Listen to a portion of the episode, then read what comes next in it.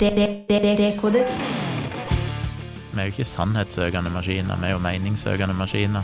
Men jeg, jeg mener jo at vi har en, en hjerne som i stor grad bare har én funksjon, og det er å prøve å rasjonalisere alt det du gjør. Dekodet. Sånn fet rockeintro. jeg må ha sånn så dialogisk, så da prøvde jeg å lage noe lignende. da. Eh, men det er ikke noe, du har ikke snakka med Dag? Det, det blir ikke noe comeback? Jeg vet ikke. Jeg skal innrømme at jeg har sendt han en mail og hinta frampå. Du skulle ikke ha prøvd å liksom Ja. ha en månedlig podkast, om ikke annet, bare for liksom av og til prate sammen, for jeg savner jo det. Men han er midt oppi turné og alt mulig sånn, så han må liksom tenke litt på det. Men jeg sitter jo og håper at jeg skal få en positiv tilbakemelding, at han sier jo jo, det gjør vi. Vi Ja. kjører på. Men jeg vet ikke. Dere hadde jo dere hadde mange lyttere, ikke sant? Eller dere hadde en sånn trofast lytterskare, skjønte jeg. Ja, det var ganske mange lyttere, og jeg, jeg tror både meg og Dag ble litt sjokkert når vi avslutta med den eh, responsen vi fikk, der Ja. folk skrev at de satt og grein, Ja. og det var liksom feil sånn ja. Jeg blei jo trist da jeg hørte siste episode. Var sånn vemodig eh, Ja. stemning. Men eh, Så det, jeg tror det er mange som savner den. Det er jo utrolig hyggelig. skjerp deg, Dag. Hør på det. Jeg, skal ikke legge skylda på han hvis ikke det blir noe, men eh, jeg er iallfall keen på det, så vi får se. Veldig bra. Men du driver jo med andre podkaster også. Du har den som heter Tomprat med Sjomli. Mm. Uh, og så har du en som heter uh, Grusomme Virkelig grusomt. Virkelig grusomt. Eh, det var litt morsomt, fordi jeg hadde jo Sunniva Rose innom for en måneds tid siden, og da snakka hun om de der radiumjentene. Ja. Og dagen etter så la du ut en podkast virkelig grusomt om radio, radiumjentene. Og da tenkte jeg, hva er sannsynligheten for det? Det skal vi sikkert snakke mer om etterpå, da, men det er ganske random. Ja, nei, det en Det var jo en spontan idé. Egentlig min samboer Tone Sabro som vel Hun har alltid vært veldig sånn opptatt av seriemordere og, og true crime, holdt jeg på å si, og alt mulig sånt. Ting som er litt uh, motbydelig, Mm. morbid. Og det er for så vidt jeg òg, selv om jeg ikke er helt i samme skala. Ikke satt meg så inn i ting som det er hun. Hun kan jo alt om seriemordere og sånn. Uh, Så hun har lenge hatt lyst til å ha en sånn type podkast, og lurte på om jeg ville være med. Men så jeg liksom, følte jeg liksom ikke helt at det hadde jeg tid til og sånn. Men så var det vel en dag jeg så en YouTube-video om eh, Jeg tror det var om det flyet eh, som jeg endte opp med å ha en episode om, der eh, de mista oksygentilførselen, så basically alle passasjerene alle bare besvimte, inklusiv pilotene, og så til slutt så krasja flyet. Ja.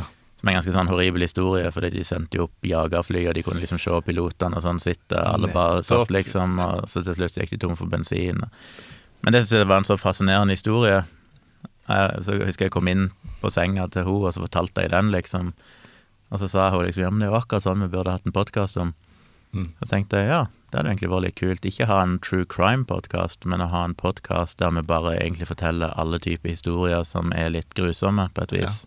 Uavhengig av om det er liksom crime, kriminalitet, eller om det bare er andre ting. Så tenkte vi la ikke prøve det. Og så har jo den Den, var, den vi har vel holdt på i nesten nøyaktig et år nå.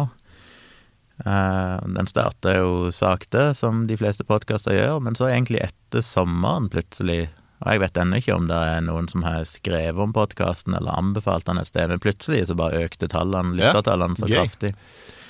Så nå er vi jo eh, akkurat i ferd med å breake topp 100 i Norge, og det er jo Oi, genialt. Og dette er eh, noe dere gir ut hver uke, ikke sant? Ja. Spiller det bare inn i hjemmestudioet mitt. Eh, ganske sånn Det er en veldig rar podkast, fordi at vi Litt på grunn av at, at vi ikke har tid til å bruke altfor mye tid på det, og sånn, så, så sitter vi og researcher litt, en historie, leser oss opp. Men jeg oppdaga fort at jeg begynte å bruke altfor lang tid på det. Jeg satt Mm. liksom og noterte ned alt jeg måtte få med, og endte opp med å sitte i fire-fem timer. Og jeg har jo ting hver dag, egentlig. Liksom Podkast, livestreams på YouTube, alt mulig sånn. Så, så var det søndagen som var en av de få ledige dagene, og så endte jeg opp med å bruke hele søndagen på virkelig grusomt. Jeg fant ut at dette her kan jeg ikke gjøre. Så de siste episodene så har jeg liksom prøvd å basically finne noen artikler om den saken som er bra, lese gjennom de, prøve liksom å huske mye av det. Men så bare ta det på sparket, liksom. Ja.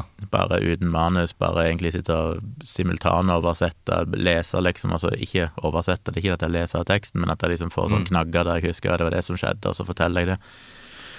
Og det er jo litt sånn delte meninger. Det er jo alltid noen som kommer tilbake og sier å, dette høres altfor uforberedt ut, og sånn. Og så er det andre som jeg digger formatet, for det at det er liksom så autentisk med diskutere ting. Det er ikke noe manus. Vi liksom bare forteller historien og reflekterer Ja, ja. om psykologien i det, og hvordan kan folk gjøre sånne ting. Og, Ja.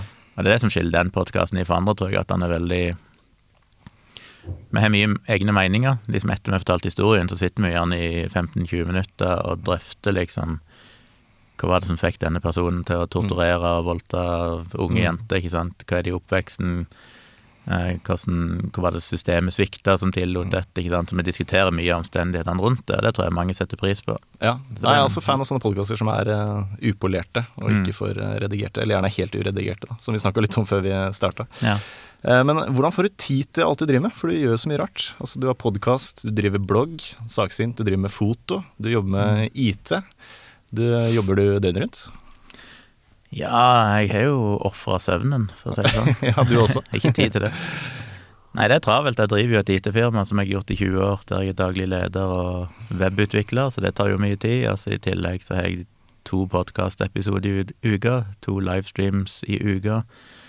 Prøver å blogge litt. Det går litt opp og ned med den bloggen, hvor ofte jeg har tid til det. Eh, og driver og prøver å bygge opp en sånn liten sidevirksomhet som fotograf i tillegg. Og så holder jeg foredrag og reiser litt rundt og gjør sånne ting. Så det er travle dager. Det er travle dager. Og så har du skrevet to eh, bøker også. Eh, Mm. Kritisk tenkning, det er jo liksom det vi skal snakke om eh, i dag, da. Eh, kan vi begynne med eksempel du, jeg, Først har jeg lyst til å spørre deg om er du, Vil du kalle deg sjøl en skeptiker? Det er jeg litt interessert i. Ja, i utgangspunktet så vil jeg jo det, men jeg har jo Det er litt som dette her en, en, ja, det blir Tida flyr, 10-15, jeg husker hvor lenge siden det er, så, så var det et lite sånn opprør mot begrepet ateist. Fordi spesielt i USA kanskje, så er jo ateist veldig negativt lada. Det blir jo sett på som eh, holdt på å si, satanist. eh, ikke sant? Folk tenker jo at det er grusomme mennesker. Så det var en sånn liten kampanje en periode der de prøvde å finne et nytt begrep for ateist, liksom. Og det er jo vært tilsvarende prosesser i USA der de har prøvd å finne nye begreper for skeptiker. Eh, og det merker jeg i Norge òg at skeptiker er et vanskelig ord å bruke, for du har liksom, du har klimaskeptiker, Mhm. og det er sånn, det er jo ikke en skeptiker, det er jo en fornekter i så fall. Mm. Og så blir jo, har du liksom vaksineskeptiker, sånn, ja, men det er jo ikke egentlig, jeg ønsker ikke å assosiere meg med det. Fordi for meg så er jo, eller definisjonen av liksom skeptisisme, eller å være skeptiker i skeptikerbevegelsen, er jo at du følger de beste vitenskapelige data der de leder deg. Ja. Ikke at du bestemmer deg for et eller annet, og så cherrypicker du data som passer deg. Så jeg, jeg lagde jo en video om det på YouTube-kanalen min òg, som jeg kalte for Falske skeptikere. Og det er fordi at det skjedde på en måte en splittelse, opplever jeg, i skeptikerbevegelsen for en del år tilbake, der du fikk ja, Du kan nesten litt sånn politisk kalle det for en høyre- og en venstreakse innenfor skeptikerbevegelsen. Du har de skeptikerne som støtter transrettigheter og liksom er, er mer i gåsehudet woke, eh, for å bruke det begrepet. Og så er det de skeptikerne som er sånn nei, men rent logisk sett så er det bare to biologiske kjønn, og derfor så Mm. nekter jeg å akseptere ditt og det. Du har fått en sånn veldig Ja, som er litt mer på den uh, Jeg vet ikke hva jeg skal kalle det. Uh, ja, I USA har du den her IDV, den Intellectual Mm. Dark Web-gjengen, som er veldig opptatt av de tingene. Og det som er så fascinerende, at de her skeptikerne, som egentlig alltid har vært skeptikere og vært kritiske til homopati og alt dette her, så plutselig så begynner de å promotere ting som Ivermectin, som en sånn covid-middel. Brett Weinstein eh, Ja. eksempelvis. Og det er sånn, men dette, hvis du er skeptiker og følger vitenskapen, så er det ikke noe hold for at Ivermectin virker, og nå viser det seg jo at alt av forskning som tyder på at det virker, basically var svindel og sånn, så Men de følger liksom guruene sine. De har sånn Brett Weinstein, de har Sam Harris no, Sam Harris heldigvis da var veldig kritisk til både Weinstein og, og de antivaksineutspillene fra den kanten, men du har en del sånne guruer da som de er veldig opptatt av å følge, så det blir mer sånn avgudsdyrking omtrent, enn at de faktisk er kritiske tenkere. Er helt enig, og Brett Weinstein var jo lenge en av mine intellektuelle helter, for å si det sånn, for jeg havna jo nedi det intellectual dark web-kaninhullet, som veldig mange andre i 2016. Eh, men jeg følte det var et eller annet som skjedde på veien. med Han, et eller annet med at ego tok overhånd, eller at han prøvde å være kontrær bare for å være kontrær. Da. Og Ja, for det er jo stikkordet her. At Ja, ikke eh, de er ikke skeptikere, men de er kontrære. Det, alt handler egentlig bare om å være eh, Altså, det er en, sånn jeg oppfatter det, så er det jo en snarvei til å fremstå som smart, er jo bare å være kontrær. Altså hvis Mm. du automatisk bare er kritisk og motstander av de offisielle rådene fra myndighetene, eksempel, så fremstår det som at du har tenkt litt lenger, eller du tenker sjøl, du, du er en sau som følger flokken, ikke sant. I sin ekstreme versjon så er det liksom Kari Jakkesson og den gjengen som bare alltid er på totalt motsatt side av sannheten. Eh, fordi så lenge de bare er uenige med alt, så Ja. fremstår de som at ja, men vi tenker Det virker sjøl. nesten som et personlighetstrekk, tenker jeg. At det er Ja. en del som har det personlighetstrekket at de skal være uenige for å være uenige. Da. Jeg tror det, og, men det er klart i Kari Jakkesson og den gjengen så er det jo bare rein eh, ja, hva skal du kalle det, idioti, men innenfor skeptikerbevegelsen òg, så har du hatt de da som er mer opptatt av å være kontrære enn å egentlig være skeptikere, sånn som jeg Ja. oppfatter du skal være skeptiker. Men. Brett Weinstein har mista det i litt større grad enn de andre, føler jeg. Sånn som Sam Harris. han, han- er jo, han nekta jo Han ville jo ikke anerkjenne eller vedkjenne seg ved det stempelet, da, i det Eh, Nei, han er jo, eh, han er jo levert tilbake igjen det medlemskortet. og det, så jeg, jeg er jo kritisk til en del av det Sam Harris òg snakker om, men jeg er jo superglad for at han har tatt et tydelig oppgjør liksom, med Ja. Weinstein-gjengen og, og den antivaksineretorikken fra den kanten. Ja, absolutt. Nei, jeg har liksom sittet øh, lurt litt på om jeg er en skeptiker sjøl. Men jeg huker da på mange bokser, føler jeg. Men så jeg føler at det der navnet, begrepet skeptiker, jeg får konnotasjoner til helt andre ting. da, Som du nevnte, Mm. konspirasjonsteoretikere og sånne ting. Og så har jeg også tenkt på det at Hvis man oppretter en skeptikerorganisasjon, eh, eller et miljø, mm. så vil det jo oppstå noen sosiale koder, kanskje. Noen forventninger til hva det vil si å være en god skeptiker, eller, eller skeptiker på den riktige måten. Da. Og kanskje noen eh, helter i miljøet, eller noe man ser litt ekstra opp til som man blir påvirket av. Eh, så vil ikke en ekte skeptiker være litt skeptisk til å bli med i et skeptikermiljø? Jo, og det er jo grunnen til at det ofte har vært vanskelig å få litt sånn traction rundt skept, skeptisisme. Fordi vi er, som skeptikere, så er vi jo gjerne naturlig skeptiske til nettopp eh, gruppetenking og alt det der. Um, så en har jo prøvd, og for så vidt lykkes ganske bra, uh, kanskje spesielt i USA. En, vi har jo prøvd i Norge òg med bevegelsen, eller det, foreningen Skepsis. Men der òg har det jo vært vanskelig å få til noen ting som helst, fordi at eh, folk er skeptiske. Folk er, vil liksom kjøre sitt Ja. eget løp. og det er jo sånn, litt som ateisme, ateister, som en er kalt for. Det er som å, å eh, du To heard a Hva er navnet på flertallet av katter? Flokk? Nei. eh, Av katter? Cats? Flokk? Flokk? Flock. Nei, a group of cats. Group. Ja, det er som å, å gjete katter, liksom. Ja. Du klarer ikke å gjøre det, for katter går sin egen vei, og de gjør Mm. sin egen ting. Og derfor er det med ateist Det er liksom vanskelig å lage en ateistbevegelse der òg. Mm. Mens hvis du er religiøs, så er det mye mer gruppetenking, og du har ritualer, alle er opptatt av å gjøre det samme. Så det er lettere å danne organisasjoner rundt religion enn antireligion, for å si det sånn. Og det er litt det samme med skeptikerbevegelsen, og jeg òg får jo alltid litt sånn kaldfrysninger av bare begrepet skeptikerbevegelsen. For Ja. det er liksom sånn jeg, jeg, ikke, jeg har jo ikke lyst til å være del av en bevegelse, jeg vil jo bare gjøre det som jeg føler er, er det jeg mener er den beste tolkninga av vitenskapelige data. Men Har du noen gang vært på en sånn skeptikerkonferanse før? Jeg har jo det, jeg har vært på en del, og jeg syns jo de er positive i den sånn at det kan være inspirerende, og du finner litt fellesskap, og du oppdager at her er det jo folk som skjønner hva jeg snakker om, og tar mine referanser, ikke sant. Og det er jo en viktig greie.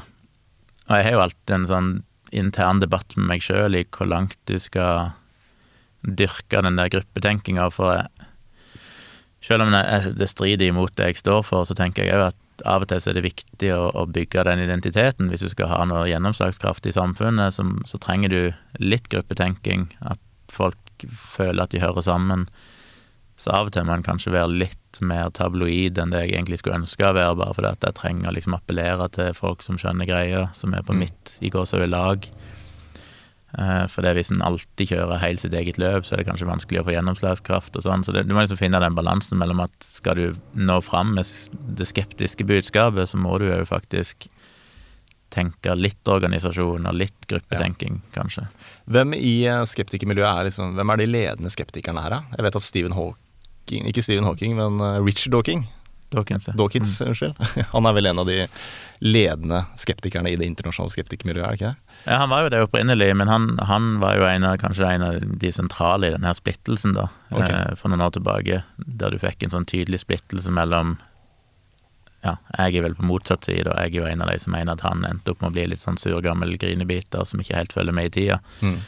som sliter med å forstå metoo og feminisme og eh, islamspørsmål og sånn, der det blir veldig sånn gubbete og gammeldags og veldig lite humanistisk på et vis, der det handler mer om at hvis, hvis ikke du Jeg får ta det transspørsmålet, ikke sant. Hvis han, de klarer aldri å, å gå ifra det spørsmålet om det fins bare to biologiske kjønn, og det er sånn ja, teknisk sett så kan du nok argumentere for det, at sånn i all hovedsak så kan du redusere kjønn til to, med noen få sånne usikre, en liten noen promille eller et eller annet, eh, som har tvetydig kjønnsidentitet. Men det er på en måte irrelevant, for det er jo ikke det det handler om. Det handler jo om hvordan folk føler seg, og, og prøve å, å, skape en verden der flest mulig kan være seg sjøl. Mm. Så det er akkurat som at de er så opptatt av at det som er i går så er logisk eller vitenskapelig korrekt, at de glemmer humanismen i det. De glemmer å se at dette er mennesker vi snakker om. Eh, og hvis du prøver å ta den debatten, så klarer de aldri å kvitte seg med ja, men det er jo bare to biologiske kjønn. Men det er sånn, ja, men det er ikke det debatten handler om. Det er ikke egentlig der greia er. Og det føler jeg så ofte Og han var en av de som starta den splittelsen, føler jeg, da, der du fikk den litt sånn eh, Nesten reaksjonære, litt sånn gubbete mm. Holdningen til skeptisisme, der det ble så viktig å bare forholde seg til den strenge logikken, og så glemte de helt å se litt mer eh, humant på det, holdt jeg på å si. Ja, riktig. Så det er to leire her nå etter hvert, da. Så en som går mer mot woke, og en annen som går mer mot det hva skal jeg si uh, ja, logiske eller um, Ja. Og jeg er jo 100% på lag med liksom at det er viktig med at ting skal være korrekt, og logikken og sånn, men jeg bare føler at det er flere dimensjoner, at det går an å anerkjenne det, og samtidig òg se at her er det her er det viktigere ting kanskje enn bare akkurat liksom det som er 100 korrekt, for det, det, er flere lag i den debatten som en må anerkjenne. Ikke sant. Stephen Frya, hvor står han eh, på den aksen her? Vet du det? Jeg likte Blitt veldig fan av Stephen Fry siste året, skjønner du. ja. Nei, jeg har alltid vært fan av han. Ikke at jeg sånn, kjenner han supergodt. Jeg har jo sett både han og, og, Richard Dawkins og mange av de andre på konferanser og sånn, og hørt de prate. Og, og fått, hatt gleden av å prate med noen av de. Jeg har ikke prata med Stephen Fry, da, men jeg har prata litt med Richard Dawkins og mange av de andre opp gjennom årene. Men um, jeg har alltid digga Stephen Fry, og hadde et lite håp om at han skulle være en av de som var veldig sånn ja, progressive, da. Og det er han vel på mange områder, men så har han vel de siste tider kommet litt ut av skapet som litt mer sånn eh, Ja, blant annet så, så irriterer jeg meg over den ekstreme opptattheten de har av mm, sånn cancel culture. At de føler at å, du kan ikke snakke om noen ting lenger, for alle blir støtt og sånn. Der jeg mener at uh, generelt sett så ser ikke det ut til å være tilfellet. Uh, det er veldig få som jeg mener egentlig har blitt cancela. Jo da, det finnes noen grove eksempler der jeg mener at det er veldig sånn urettmessig, så har, har noen uh, i gåsehud blitt cancela fordi de har sagt ting som har vært kontroversielle. Men generelt sett så tenker jeg at det er en god ting at verden går framover, at vi begynner å respektere at uh, de gruppene i samfunnet som tidligere ikke har hatt en stemme, uh, som eksempel da igjen transpersoner eller etniske minoriteter, det at de nå finner sammen og, og etter hvert har fått en stemme som er mye av sosiale medier, som gjør at de finner sammen. Altså du kan vokse opp som en eh, person med usikker, eller du er usikker på din kjønnsidentitet i ei lita bygd i Norge, og tidligere så var du aleine og kunne aldri snakke om det og hadde ingen stemme. I dag plutselig så finner folk hverandre via sosiale medier, TikTok og alt mulig, og så får du det som noen kaller for identitetspolitikk, som jo er på mange måter problematisk, ja, fordi at skal, jeg er jo veldig opptatt av at du skal ikke definere deg sjøl som del av en gruppe, men heller som et individ, på en måte. Men samtidig så må man anerkjenne at det har jo gitt disse menneskene en, en, en styrke i, eh, i, det å være flere. Og det har jo utfordra det etablerte, der du plutselig har folk som alltid har hatt uh, en da med liksom hvite, middelaldrende menn som alltid kunne sagt hva de ville, uimotsagt, og tjent mye penger og hatt en stor plattform. Plutselig så får de beskjed om at det du sier der er ikke greit å si, eller dette faktisk uh, sårer folk, og dette er problematisk, og så roper de liksom ah, 'cancel, kan ikke si noen ting lenger'. Etter mitt syn så snakker de om at dette er en trussel mot ytringsfriheten og sånn. Etter mitt syn så har jo dette vært en utvidelse av ytringsfriheten. Fordi plutselig så er det mange flere som har fått en stemme. Uh, jeg tror de som snakker om at det er en trussel mot ytringsfriheten, er jo folk som har en veldig sånn Ytringsfrihet, det, det er sånn vi alltid har hatt det. Det er disse menneskene har hatt en plattform de kan prate uimotsagt. Det at de nå plutselig opplever at du kan ikke lenger si alt det du kunne for ti år siden, eh, er jo fordi at det er nye grupper som endelig har fått en stemme.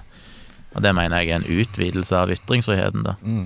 Nei, jeg er enig. altså Verden går absolutt framover, men jeg er veldig skeptisk til at de store mediekonglomeratene har den makten at de skal kunne velge hvem som skal være på, på plattformen og ikke kunne kansellere. Det er en sånn slippery slope, da. For du må jo ja. sette noen rammer og noen regler for uh, å definere det, da. Hva det er lov til å ytre altså, og ikke. Og da ja, det er jo det som er det største problemet her. Det er jo at jeg syns jo det er uh, Altså de tilfellene der det har vært tragisk cancelling, holdt jeg på å si, der noen har gjort eller sagt noe, og så plutselig så blir de cancela av Netflix. Mm. Jeg skulle ønske at lederen i disse selskapene var litt mer modige, for dette handler jo til syvende og sist om økonomi, de er bare redd for å tape penger. Mm. Uh, så det er, jo, det, er jo, det er, jo, det beste eksempelet på at det kan være problematisk med, med den type ting, men det handler jo egentlig ikke om holdt på å si, moral eller noen ting, det handler jo kun om at noen er redd for å tape, miste penger miste støte av publikum og sånn. Og Der savner jeg litt mer ryggrad. Så jeg tror vi hadde kommet langt hvis bare noen av disse lederne i de store selskapene hadde hatt ryggrad nok til å si at ja, dette er provoserende, men litt som med den siste Dave Chapell-specialen som ansatte i Netflix og sånn mente ikke burde vært vist, og så var det jo en debatt internt i Netflix og sånn. Og der eh, tenker jo jeg at vi må, vi må være At vi trenger at folk tør å tenke at ja, kanskje vi taper noen seere, kanskje vi taper penger, men dette er mm. faktisk viktig allikevel. Mm. Eh, ikke for at jeg nødvendigvis støtter Dave Chappelle, jeg har ikke satt meg inn i den saken spesielt mye, men bare sånn generelt sett så må vi jo tåle at det er ting som blir sagt som kan være Absolutt. problematisk for noen. Eh, ikke minst så skaper det en, en viktig og nyttig debatt. Men så, samtidig så er jeg jo helt 100 for Altså, jeg har jo skrevet litt om det tidligere, skrevet en kronikk i Dagbladet sånn om dette med deplatforming og den ideen om at folk ikke ble invitert til å holde foredrag, eller ble cancela for å holde foredrag på universiteter i USA og sånn. Når du går inn i statistikken og ser det, så er det for det første ekstremt sjeldent. Det er, altså, det er jo en håndfull tilfeller, på en måte. Og hvis du begynner å sile ned deg igjen på det som kanskje er legitime grunner, så er det jo ganske ofte legitime grunner til at disse menneskene ender opp med å bli avinvitert. Og det er ikke fordi de har sagt noe som krenker noen, men det er jo fordi de kanskje Litt som med han der eh, eh, Milo Janopoulos, er det ikke han heter? Jo, de gutta der, ja. ja. Så mista en del sånne oppdrag. Men det er jo fordi han liksom eh, Hva det han gjorde? Han avslørte at en person var transperson, eller et eller annet sånt. Altså det var sånn drittsekk-ting. Mm. Mm. Som ikke handler om at 'å, noen ble krenka', men det handler jo om at han var en, en, en idiot på mange måter. Um, og så det litt sånn med folk som liksom trenger et universitet og har en foredragsholder som skal fortelle at svarte er mindre intelligente enn hvite. Er det en viktig debatt å ha lenger? Eh, jeg er liksom usikker. Det, jeg tenker jo det, det er mange ting der vitenskapen på mange måter har settla dette, og at det at noen kommer med ting som er 20-30 år gammelt, men blir sett på som provoserende og spennende, av noen. Ikke nødvendigvis folk som trenger å ta opp tida på et universitet. Det er ganske begrensa med, med tid folk har til å, å, holde foredrag på universitetet, og kanskje vi burde velge de som er litt mer oppdaterte i forskningen, oppdatert vitenskapelig. Så jeg tenker jo mange av disse her sakene, når du går gjennom og ser hvem som blir cancela, så er det jo faktisk legitime grunner til det. Og så er det noen tilfeller som er, ikke er legitime, der jeg òg tenker at dette er jo ikke greit, at denne personen men det er jo ekstremt få, så en kan absolutt diskutere det og si at dette er et problem, men ikke gjøre det til en sånn nå går det til helsiken med alt av utdanning her i verden, for det, ingen kan si noen ting lenger, liksom. Nei, men jeg tenker sånn når Brett Weinstein eh, snakker om Ivermectin på YouTube, og så blir han deplatforma, er det nødvendig mm. å deplatforme? Han kunne ikke bare lagt på en liten sånn der fotnote som sier at det, dette er ikke basert på vitenskapelig metode eller noen ting, men eh, Jeg syns det der er veldig vanskelig, for jeg er jo veldig opptatt av ytringsfrihet, og jeg syns det med å fjerne Altså, jeg har jo i alle år, og blogga om det allerede for 15 år siden, sånn vært imot rasismeparagrafen i norsk straffelov, for eksempel. Jeg mener at det bør være lov å si rasistiske ting, og så må vi møte det med motytringer og kritikk. Men jeg må jo innrømme at jeg har nok i større grad nå begynt å bevege meg i retning av at jo, kanskje vi trenger å, å gjøre noen type ytringer ulovlige. Og så kan en alltid diskutere hvor går den grensa. Jeg har jo i det siste i livestreamene mine diskutert litt dette med hvor lenge skal vi tillate antivaksineinformasjon. Fordi ja, jeg 100, støtter 100 folk sin rett til å hevde at vaksiner tar liv og alt mulig sånn, selv om det er feil. Men nå er vi jo i en situasjon der sannsynligvis du kan si at ja, jeg vet ikke tallet, men la ikke si 100 000, 200 000 kanskje amerikanere har dødd som en ren konsekvens av antivaksine-desinformasjon. Altså der en betydelig andel, spesielt på republikanersida, ikke vil ta covid-vaksiner fordi de er blitt fora med skrekkinformasjon på Fox News og, og sånn. Og så ender det faktisk opp med at du ser jo på tallene, altså det er jo, jeg husker ikke tallene nå, men hvor mange flere på republikanersida som døy av covid enn på demokratiske side, eller demokratsida, som er ganske fascinerende, at du har liksom et politisk skille på hvem som ender opp med å dø av en sykdom. Og da er det sånn, eh, hvor lenge skal vi tillate informasjon som helt ut, utvilsomt direkte tar liv? Men folk har jo selvfølgelig rett til å, å gjøre dårlige valg for seg sjøl.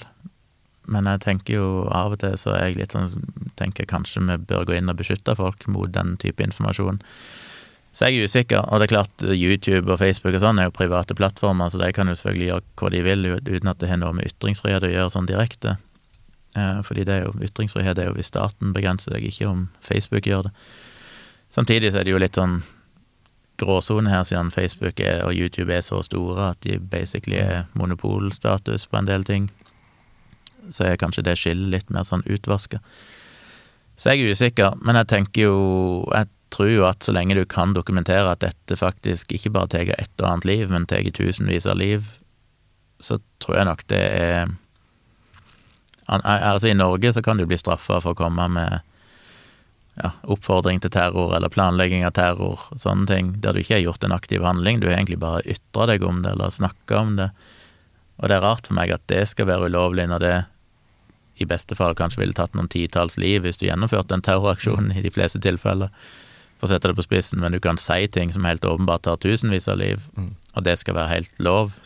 Eh, så jeg er nok Jeg syns jo egentlig det er bra at eh, de tar grep og prøver å fjerne den type informasjon, for det er direkte helsefarlig. Ja, Men det at Donald Trump eh, er på Twitter, tar nødvendigvis ikke tusenvis av liv. Det må i så fall være indirekte, men jeg, jeg syns det er noe skummelt å kaste ut Donald Trump fra, fra, Twitter, uansett hvor stor idiot han er, på en måte. Skaper du ikke bare ja. et enormt sinne i undergrunnen her? Det er alltid Som, vanskelig å vite. Det er jo sånn jeg alltid har tenkt. Og så har jeg tenkt sånn, nei, dette blir feil. Vi må la alle få lov å si hva de vil. Samtidig, når en ser i kjølvannet av at Donald Trump ble fjerna, så så en jo at andelen med desinformasjon som ble retweeta sånn på nettet, sank jo med liksom til en, en mikroskopisk brøkdel av det det var før de fjerna Trump. Så det at du har sånne fyrtårn, sånne ledere, betyr faktisk veldig mye for spredning av desinformasjon. Når du fjerner dem, så stopper veldig mye av det. Nå føler jeg at ting ligger og ulmer under overflaten her. at Det kommer en ja, Det har jo alltid vært min uh, tanke òg, at det er liksom viktig det, det, det, er jo den der debatten som har gått i mange år, egentlig omtrent siden 22. juli, dette her med at uh, ja, det er viktig at uh, alle får si hva de vil, for det er trollene sprekker i lyset. Men så har vi jo sett at det gjør det jo ikke. Det er jo ikke sånn at ved å la folk skrive de mest rasistiske tingene i kommentarfelt, så vil det automatisk etter hvert forsvinne, fordi de vil bli møtt av kritikk og sånn. Etter 22. juli så er det jo bare blitt verre og verre. Det er jo bare mer og mer konspirasjonstenking, mer og mer åpenbar rasisme som blir skrevet. Det ser ikke ut til å funke, det der med at vi må bare la de komme til orde, sånn at de føler at de blir hørt, for da vil det liksom Det skjer jo ikke. Så det er jeg jo òg blitt mer og mer tilhenger av nå, i, veldig i strid med det jeg har stått for i, i all tid tidligere, at kanskje vi trenger å begrense den type ytringer. For det, mm. det er jo lett for meg, som igjen en middelaldrende hvit mann, å, å, tåle det, for dette går ikke utover meg. Men hadde jeg vokst opp eh, med innvandrerbakgrunn, eh, alltid følt meg annerledes, alltid kjent litt kanskje på rasisme i mange sammenhenger og sånn, og så skal du da i tillegg måtte bli utsatt for dette dag ut og dag inn, at folk skriver så mye dritt i kommentarfelt som gjør at du føler deg uønska og hater alt dette her, så tenker jeg jo at det, hva vinner vi på det, liksom? Mm. Det, det, fremmer jo ikke debatten på noe vis, det gjør jo bare at folk har det vondt i hverdagen. Okay, ja. Jeg har nok gått ifra å være mot en rasismeparagraf til at jeg nå tenker at ja, vi trenger faktisk kanskje å begrense noen ytringer, for at de mm. Og det er jo det, det klassiske eksempelet da som jeg, jeg lærte veldig mye av sjøl, det var For mange år siden så skrev jeg en bloggpost der jeg kritiserte ei, ei litt sånn alternativ dame som hadde sagt en del ting. Og så kom det en del kommentarer i kommentarfeltet der noen påpekte at hun var liksom en blond, eh, oversminka et eller annet sånn. De, de gikk liksom på utseendet. Og jeg reagerte ikke på det umiddelbart, for litt sånn fordi at jeg syntes hun var en torsk sjøl, så jeg godta meg litt over at noen liksom tok henne på den måten, sjøl om jeg skjønte at det var usaklig. Eh, men jeg har jo generelt sett hatt et veldig sånn høy, høy, høy terskel for hva du kan si. Nei, låg terskel for hva du kan si. Høy, høy, stor takhøyde for hva du kan si i kommentarfeltet mitt. Mm. Men så var det ei venninne av meg som påpekte at uh, det er jo de der kommentarene der, burde du ikke fjerne dem? Altså var jeg først litt sånn defensiv og tenkte nei, jeg liker ikke å drive og sensurere folk og sånn. Uh, og så påpekte hun det til meg, ja, men hvis sånne ting får stå i kommentarfeltet ditt, så kommer jo ikke andre kvinner til å gidde å kommentere, for da er jo de redd for å bli hengt ut for de samme tingene. Og det var jo en sånn ny tankemåte for meg for ti år siden. Det var sånn, det, shit, det hadde jeg ikke tenkt på, at ved å tillate ytringsfriheten til disse menneskene, mm. så vil jeg jo aktivt begrense ytringsfriheten til andre. Og det er jo egentlig kjerneargumentet, tenker jeg, med å kanskje i større grad begrense noen type ytringer, for hvis vi tillater altfor mye av den der fremmedfiendtlige ytringene i kommentarfeltene, under dekke av at ja, men det er viktig med ytringsfrihet, så sørger vi jo da aktivt for at sannsynligvis folk da som, som kommer med innvandrerbakgrunn og sånn, i mye mindre grad tør å ytre mm. seg lenger, fordi at de vet at de blir utsatt for massiv rasisme og sånn. Mm. Så det der aldri sånn Du kan aldri Du må, du må til en viss grad kanskje begrense i gåsehud noen sin ytringsfrihet for at ytrings ytringsfriheten totalt sett skal bli størst mulig. Ja, nei, jeg syns det er noen gode motargumenter. Jeg har ikke sett på det sånn uh, før, tror jeg. Men uh, jeg er jo veldig fan av den tanken uh, med at liksom man, man, møter meninger man er uenig med, med enda bedre argumenter. Da. Men hvor effektivt det er, det, det vet jeg ikke. Nei, Jeg tror dessverre ikke det er så effektivt. Jeg har jo alltid hatt den der ideen om at vi skal kunne diskutere oss fram og bli enige til slutt, men mm. Det bare oppleves som en jævlig slippery slope da, hvis man skal begynne å innskrenke noens ytringsfrihet, mm. mens andre noen må definere hva som er lov å ytre og ikke. Jeg tenker jo det i utgangspunktet, men samtidig så tror jeg vi da glemmer at uh, dette er jo Det er ikke et valg mellom, mellom å tillate eller ikke tillate, men ved å tillate noen ytringer, så begrenser du da samtidig andre sine ytringer. Mm. Altså det har en, en motside. Sånn at det aktive valget om å tillate alle ytringer er samtidig et aktivt valg om å da effektivt gjøre at mange i samfunnet ikke tør å ytre seg lenger. Mm. Eh, så de to tingene henger sammen, og da tenker jeg at du må kanskje legge litt lokk på den ene sida, og da kanskje gjøre at flere kan engasjere seg totalt sett, sånn at du faktisk ender opp med å i praksis utvide ytringsfriheten. Men hvem skal definere dette lokket? Hvor mye lokk skal vi legge på her? Ja, heldigvis så lever vi jo med i et land der sånne ting ikke skjer veldig tilfeldig, tenker jeg. Eh, jeg mener hvis det skal være rent sånn hvis vi skal inn i straffeloven, da, hva som er lov å si og ikke lov å si, så er jo det lange prosesser, og det vil være mye heftig debatt omkring det. Så det er jo det er ikke noen som bare kommer og bestemmer det sånn ut av det blå. Så jeg tenker jo at til en viss grad der så må vi jo stole litt på systemet, og stole på at vi har politikere og ledere og velgere i dette demokratiet vårt som er i stand til å, å i fellesskap mm. finne de, de grensene. Men jeg skjønner definitivt argumentet med slippery slope, men ja, nei, jeg, det, er ikke, det er vanskelig å finne et fasitsvar her. Men jeg, jeg bare tenker at rent sånn praktisk så har vi nå sett det i mange år iallfall, at det ser ikke ut til å ha funka så veldig bra, den strategien vi har kjørt, med at vi liksom skal la alle ytringer komme til, til sin rett. For det, det har jo ført til at mange stemmer har blitt knebla indirekte. Da. Ja, Nei, jeg syns det er gode argumenter. Det er bare det, Jeg liker ikke helt tanken på at de store mediehusene skal definere det her. Hva som er lov å ytre og ikke. Selv om de som selskaper har jo kanskje lov til å bestemme det sjøl, da. Ja. Nei, det er vanskelig, og det, det, det, der slippery slope er jo et problem alltid. Altså, jeg har jo diskutert det litt i, i livestreamene mine i det siste, dette med hva skal en Altså, jeg vet ikke hvorfor det er relevant, egentlig, men, men det er litt av det samme med, med sånn som reklame. Hvorfor har vi Hvorfor er det lov å, å, å, ha reklame for ting som helt åpenbart ikke er sant? Eh, hva er det egentlig som var utgangspunktet for den debatten? Vita Pro, sikkert, da. Funker for meg. Ja. Nei, det, det, bare liksom uh, En så stor andel Altså, tannkrem, tannkrem er jo egentlig én ting. Mm. Det er en, en lang slags paste med fluor. Alle varianter av det er jo egentlig bullshit. Altså, du trenger egentlig bare én tannkrem. Fordi alle tannkremer Det som virker i tannkrem, er én greie. Det er fluor og kanskje et eller annet sånn slipemiddel eller et eller annet som, som renser. Men allikevel så har vi 100 forskjellige typer tannkrem, og alle reklamerer med at 'dette gjør tennene dine hvite', og 'dette styrker ditten', og 'dette styrker datten'. Sammen med sjampo. ikke sant? Sjampo er jo egentlig bare såpe for håret, det er veldig enkelt, men allikevel så har vi hundrevis av sjampomerker som påstår at de har aktive vitaminer og mineraler som trenger inn i ditten og datten, som bare er bullshit, men vi tillater det jo. Jeg skulle på en måte ønske at vi hadde sånn, hvis du skal komme med en påstand i en reklame, så må det være vitenskapelig evidens for at dette faktisk er sant. Men det gjør vi jo ikke. Vi har på en måte sett litt gjennom fingrene og tenkt at ja, ja, det er ikke så farlig hvis folk har lyst til å la seg lure til å kjøpe en dyr sjampo som, som skal revitalisere håret ditt så får de heller bare gjøre det. Vi kan ikke drive liksom micromanage alt av reklame. Mm. Men samtidig så er vi jo strenge regler for hvordan du kan reklamere for alternativ behandling, f.eks. Eh, du kan jo ikke komme med påstander der om effekt hvis ikke det finnes vitenskapelig evidens. Mm.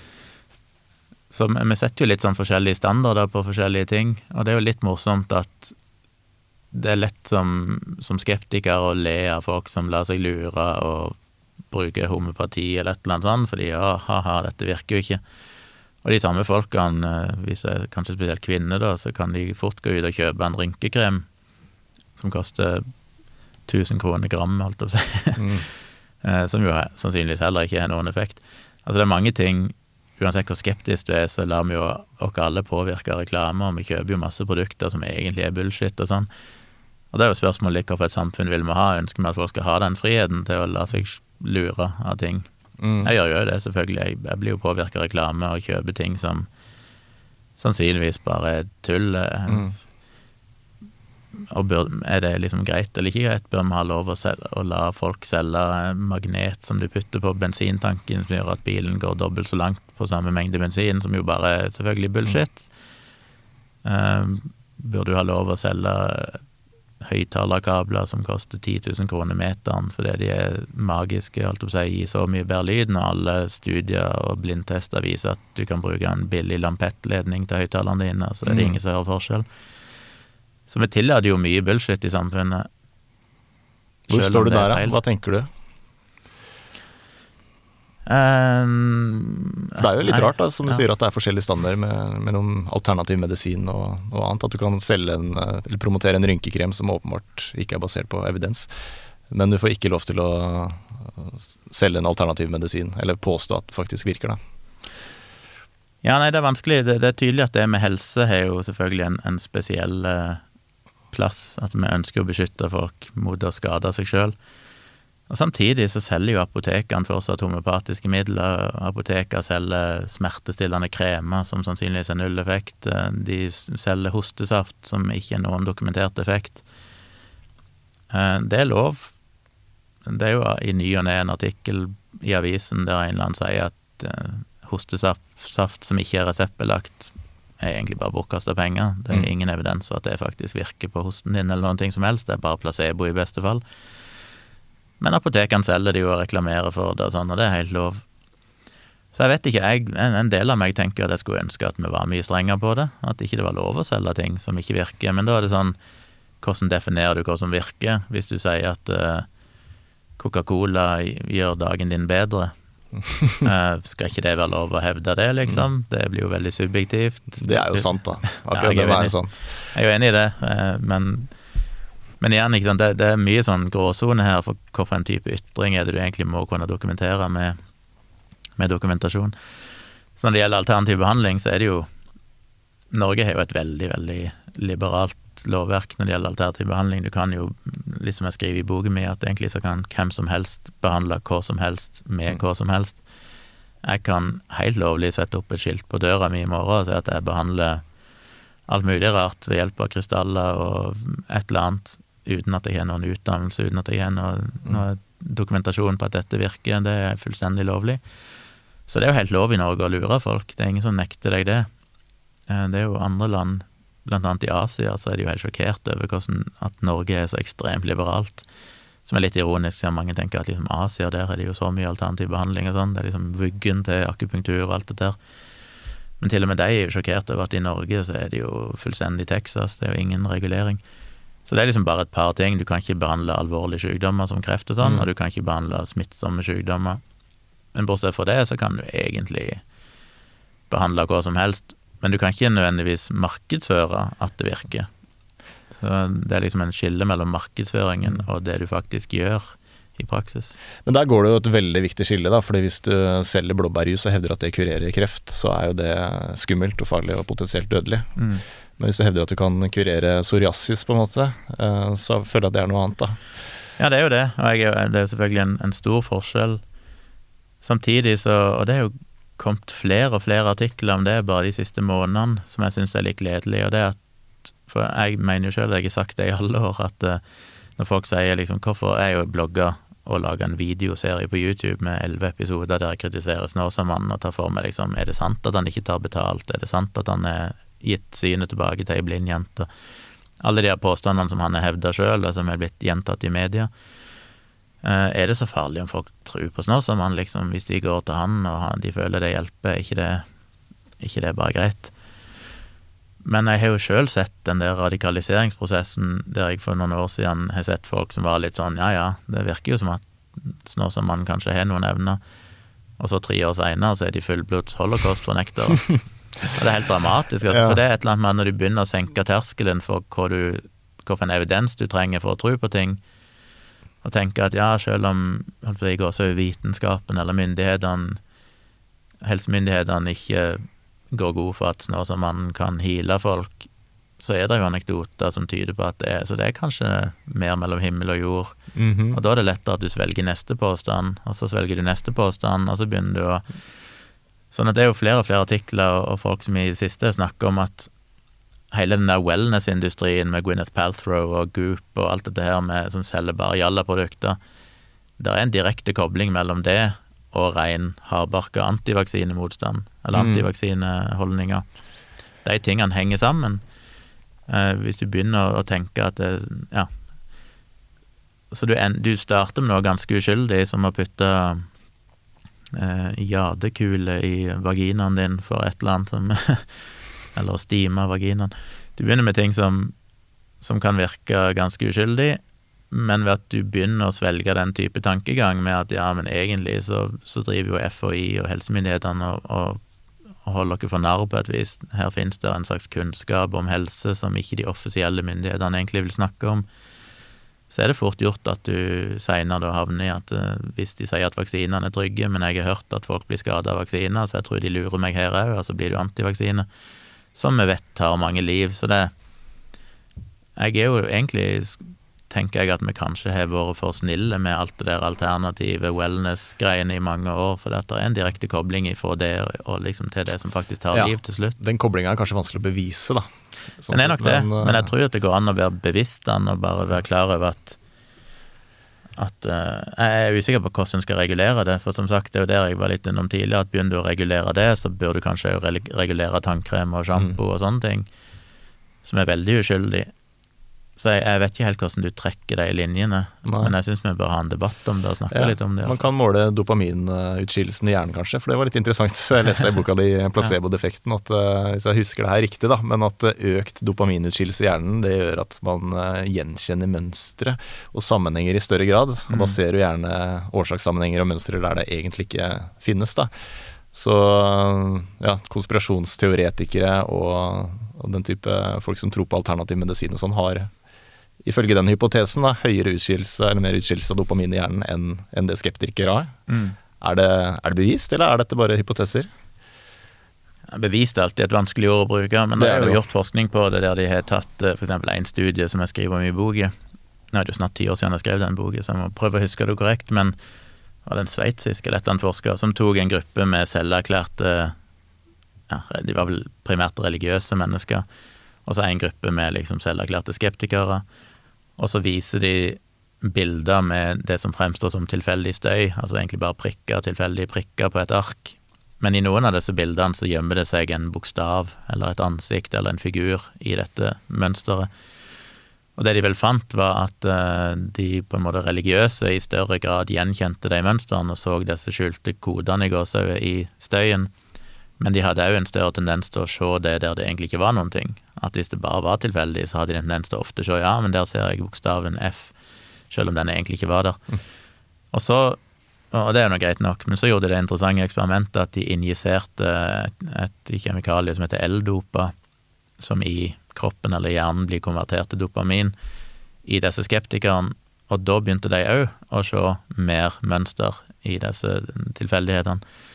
Det så det, det, tyder jo på at det er en sånn Og alt dette her er jo et stort rammeverk, fordi at jeg skriver jo om forskning som viser at det å se mønster i tilfeldigheter er jo veldig tett knytta sammen til at du føler deg litt sånn hjelpeløs og føler at du har mista kontrollen. Da begynner hjernen å overkompensere. og Dette er jo testa i studier der du setter folk foran en datamaskin.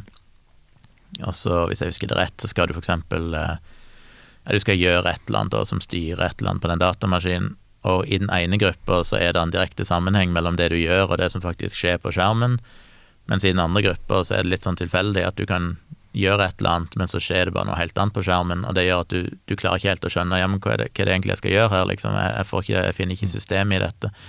Så du klarer å få folk til å føle en viss sånn følelse at de har mista kontrollen.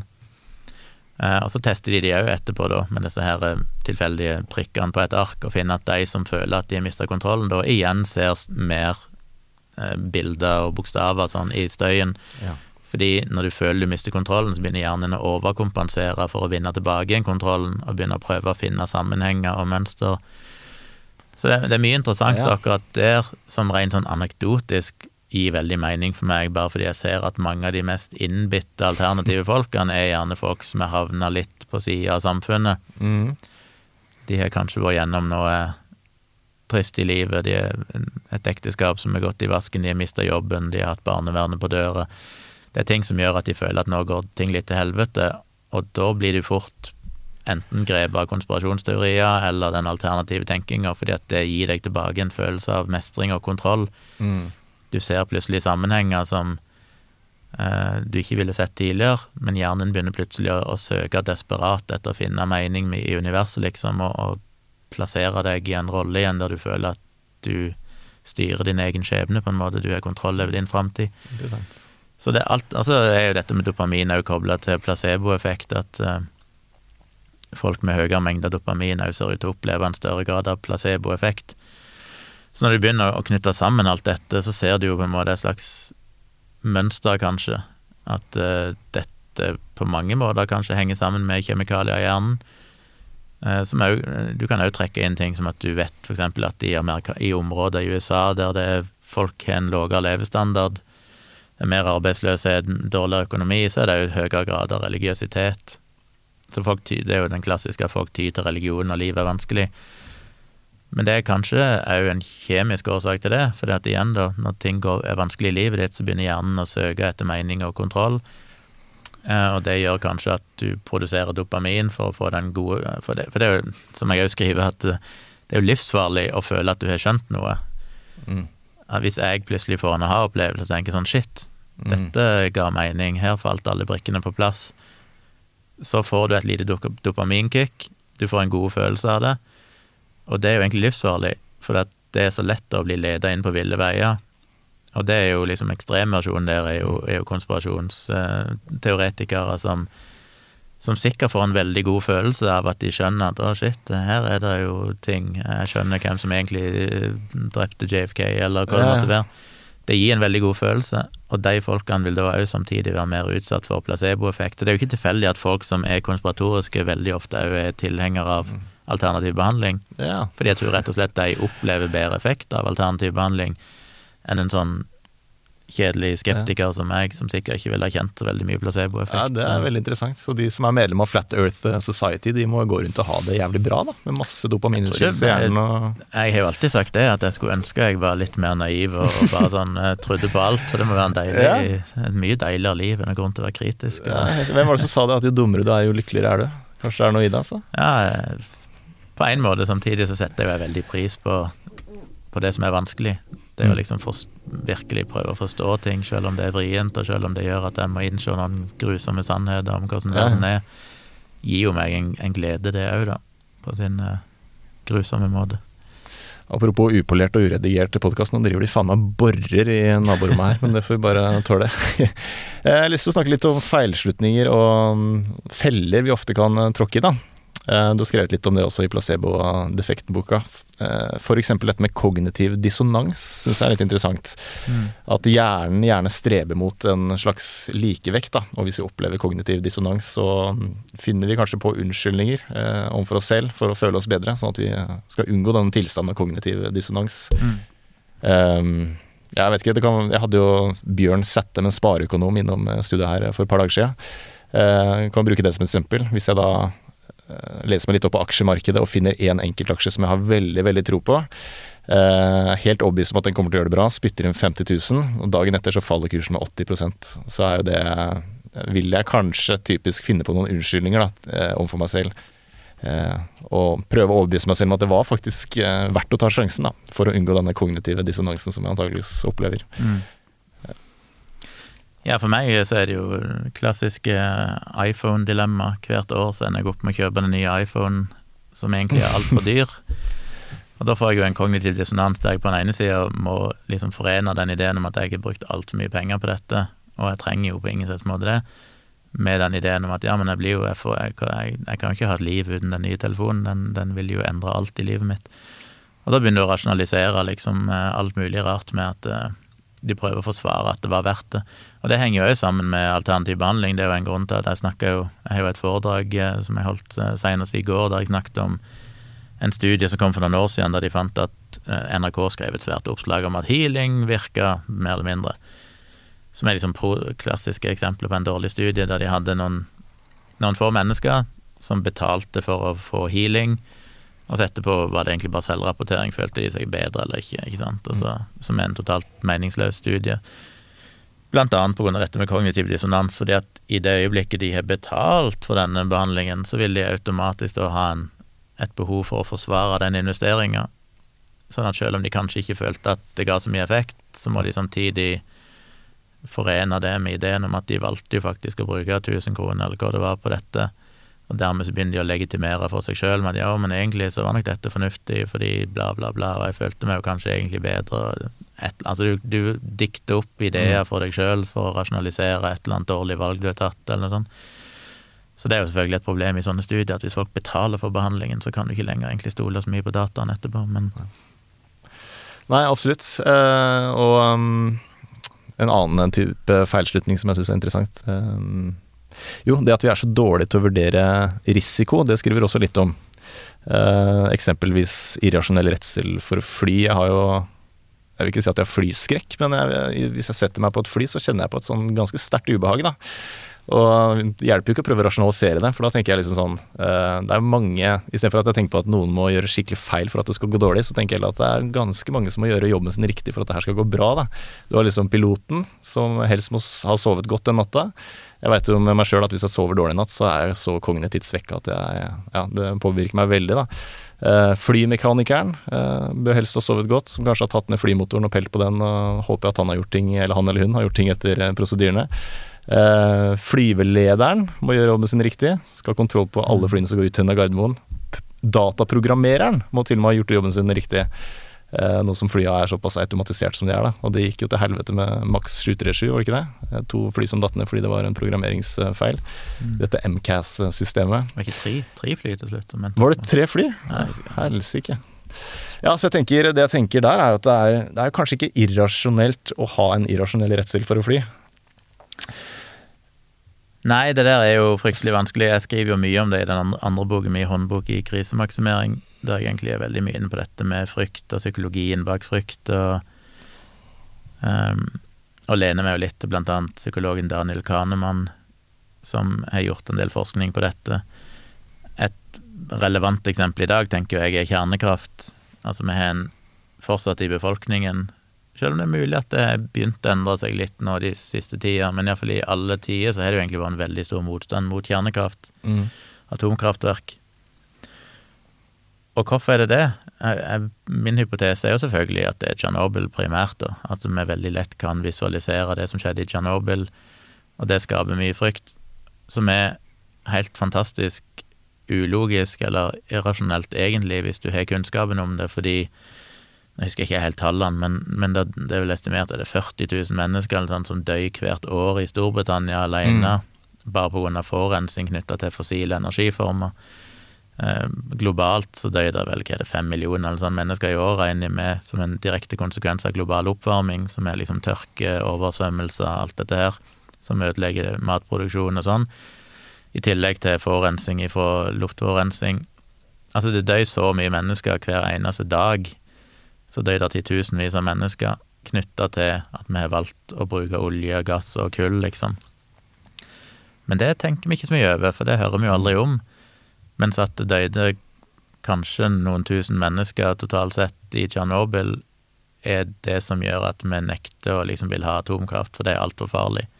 Og så døde det mange flere enn det hver eneste dag fordi vi har valgt bort atomkraft. Mm. Så det er en sånn ekstremt irrasjonell holdning. Men hvorfor er det sånn? Jo, det er vel fordi at vi kan lett visualisere en, et kjernefysisk nedsmelting, fordi vi har sett det masse, i masse filmer, vi har hørt om Tsjernobyl, mens det at det dør folk av liksom lungeemfysem, holdt jeg på å si, eller et eller annet pga. luftforurensning, eller det dør folk i den tredje verden fordi risorganene deres ikke ga noe ris det året pga. global oppvarming og sånn, det det er vanskeligere å forholde seg til, det er vanskeligere å visualisere. Og det blir jo litt det med fly òg. Det dør jo mange flere mennesker. Altså, mm. hvis, hvis, det skulle være tryggere å kjøre bil enn å fly Altså, det å flyge er jo såpass trygt at det måtte jo skjedd Hva er nå sammenligningen? Ja, jeg husker ikke, I Norge er vi jo heldigvis nå nede i boende trafikksikkerhet og alt nye biler, sånn, så er det jo veldig få trafikkdødsfall. Men er det i USA eller noe sånt, så er vel trafikkdødsfall den største eller nest største eller sånn, årsaken til, til, død hos menn under 30 år, eller et eller annet sånt. Altså det er sinnssykt mange, som, tusenvis av mennesker som blir drept hvert år.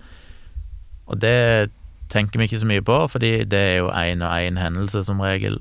Men hvis det er et fly som faller ned og 200 mennesker dør, så blir jo det dekka i alle medier, du får mm. veldig sånn visuelle inntrykk av det og alt det der. Det er jo litt samme med mm. terror òg. Risikoen for å dø når du går til Rema 1000 for å handle, er sannsynligvis større ved at du enten glir på isen og slår deg i hæl, eller du blir påkjørt av en bil, eller et eller annet sånt, enn eh, en det at du blir drept i et terrorangrep. Men allikevel så var jo ja, I en undersøkelse for noen, for noen, få år siden som jeg skriver om i den boka, så ble jo terror ranka som en av topp tre viktigste tingene mm. i politikken i, i, Europa, liksom, som vi måtte jobbe med. Mm. Som er ganske ironisk når er igjen de tusenvis av mennesker dør hver dag av global oppvarming og forurensning og sånn, men fordi liksom 20 mennesker er blitt drept i terrorangrep, så ranker vi det som det viktigste liksom helsetrusselen vi har, omtrent. Så alt det der henger jo sammen med hvordan hjernen vår fungerer. At vi kan Det er lettere å visualisere, rett og slett. Visualisere terror, du kan kjenne på frykten, mens alle de andre typer dødsfall som skjer hele tida, mm. de er mer sånn vi, noe, vi, klarer ikke å relatere til dem på samme måte. Nei, nei. Og det gjør jo at vi tar fryktelig dårlige valg. Altså, mm. vi har jo nedprioritert klimaendringer, ikke sant. Vi burde tatt tak i det for 30-40 år siden. Mens istedenfor er vi veldig opptatt av kampen mot terror og, og, det å ikke ha atomkraft, fordi det er så veldig sånn konkret. Absolutt, og FNs eh, klimarapport slår vel fast at vi er helt avhengig av kjernekraft for å kunne bekjempe klimaendringer, eller nå dette ja, 1,5-gradersmålet. Det bli litt aksept for det etter hvert, da, men, ja. men samtidig jo, så tar det jo lang tid å bygge kjernekraftverk og sånn, så vi burde jo ha gjort det for 30 år siden. Absolutt, og Sunniva er jo en av de som er veldig frustrert over at særlig store deler av miljøbevegelsen opp gjennom tida har vært så kraftig imot. Da. Det mm. henger jo egentlig ikke på greip. Um, Nei, det er jo en del sånn ideologiske sperrer der. Jeg har jo sjøl blitt uh, uh, Ja, jeg har diskutert med, med, folk i Greenpeace. i hvert fall han Etter at Folkeopplysningen på NRK hadde en episode om atomkraft, og så tror jeg jeg retweeta et eller annet som Andreas Wahl hadde lagt ut på Twitter, og så var det jo lederen i Greenpeace som sendte meg en DM og skulle overbevise meg om at dette er feil. Uh, litt sammen med Golden Rice og GMO. Ja, altså Golden Rice er jo en sånn genmodifisert versjon av ris som har mer A-vitamin, er det vel, enn vanlig ris. Og det, det, er jo Jeg husker ikke tallene nå, men det er veldig mange i den tredje verden som blir blinde hvert år pga. mangel på A-vitamin, og mange som dør av vitaminmangel. Og det er jo estimert at hvis du kunne dyrke den der golden rice, så, så ville det ha spart ekstremt mange antall tilfeller av blindhet og dødsfall. Og det skulle en jo tro alle måtte være for, Men så har jo blant annet Greenpeace de har jo kjempa veldig hardt mot dette Golden Rice, fordi de er kategorisk motstandere av GMO. Oh, ja. Og det blir jo sånn for meg at liksom Når ideologien blir så sterk at du bare Mm. tenker at ja, ja, folk kan heller dø. Sammen med atomkraft. Mm. At vi tillater at vi går mot eh, kanskje opp mot tre graders oppvarming fordi vi bare nekter å bruke det ene virkemidlet som helt åpenbart ville ha løst veldig mye av problemet. Det er så sjukt, for løsningen er liksom rett foran nesa vår. Ja, og, og selv om du hadde hatt en atomkatastrofe i året, liksom, Mm. som i kjølvannet av det som drepte en del tusen, så ville det fortsatt bare være en brøkdel av de som dør ved at vi ikke velger atomkraft. Det er liksom Ja, det henger ikke på greip for meg. Nei, og selv når kjernekraft, eh, om det så skulle smelte, da, eh, eller gå i lufta, eh, så, mm, så er jo ikke konsekvensene nødvendigvis så svære som man har inntrykk av at det er, da. Nei, men er det jo det da, at selv om du tok de verste konsekvensene av f.eks. Tsjernobyl, og at store deler av Europa hadde fått uh, fucka opp eh, natur og, og sånn, så er jo alternativet at det kommer jo uansett til å skje, hvis vi lar Mm. global oppvarming fortsette. Det er ikke som at alternativet er at alt kommer til å bare være happy og, og fint. Altså, du har jo et valg. Uh, og igjen, du kan ikke sammenligne noen ting med Tsjernobyl, for at moderne kjernekraftverk er jo Mm. ekstremt mye tryggere og alt det der, men så sjansen for at det skulle skje, er jo ekstremt liten. Men jeg mener jo at vi til og med må, må tillate et og annet kjernefysisk nedsmelting, liksom en kjernefysisk katastrofe, er jo til og med om det skulle skje en gang Mm. hvert 20. år, så vil jo det være bedre enn alternativet. Jeg er helt enig. Interessant det der eksempelet i boka di med det falske nullpunktet. Ja. Husker du skrev om det? At uh, når det kjernekraftverket i Fukushima smelta ned, så var det vel noen norske journalister eller sånt som hadde plutselig jævlig dårlig tid mm. og kom seg tilbake til Norge fordi strålenivåene i Japan eh, økte. Men eh, stråle, de naturlige strålenivåene i Norge er jo høyere enn enn de strålenivåene de registrerte i Fukushima selv etter nedsmeltingen. Da. Ja, pluss at fly, på flyturen hjem så vil de få større stråledose. Ja, du får jo litt mer stråling når du er på fly, for det er mindre atmosfære som beskytter deg. Akkurat det eksempelet er jo, er jo egentlig Sunniva Rose sitt, som Det er jeg Rose sitt, ja. Det er- så det er siterte henne i boka mi, men syns det er et godt eksempel på den irrasjonelle frykten, da. At du bare tenker dette er så farlig, for i realiteten så er det jo ikke påvist et eneste dødsfall knytta til eh. Fukushima-katastrofen med radioaktivitet. Alle som døde, var jo av enten tsunamien, jordskjelv, eller at de ble evakuert fra sykehus og sånn. Absolutt. Men eh, nei, vi er irrasjonelle vesener, da. og Hvis jeg hadde vært i Fukushima selv, så hadde jeg sikkert hatt dårlig tid og prøvd å komme meg på første fly hjem sjøl, da. Ja, det er lett å skjønne det handler jo om kunnskap, ikke sant? Ja, altså jeg er jo livredd edderkopper. Ja. Og jeg må jo anerkjenne at det er selvfølgelig 100% irrasjonelt. Men uh, De er Ja. ekle, da. Jeg er enig.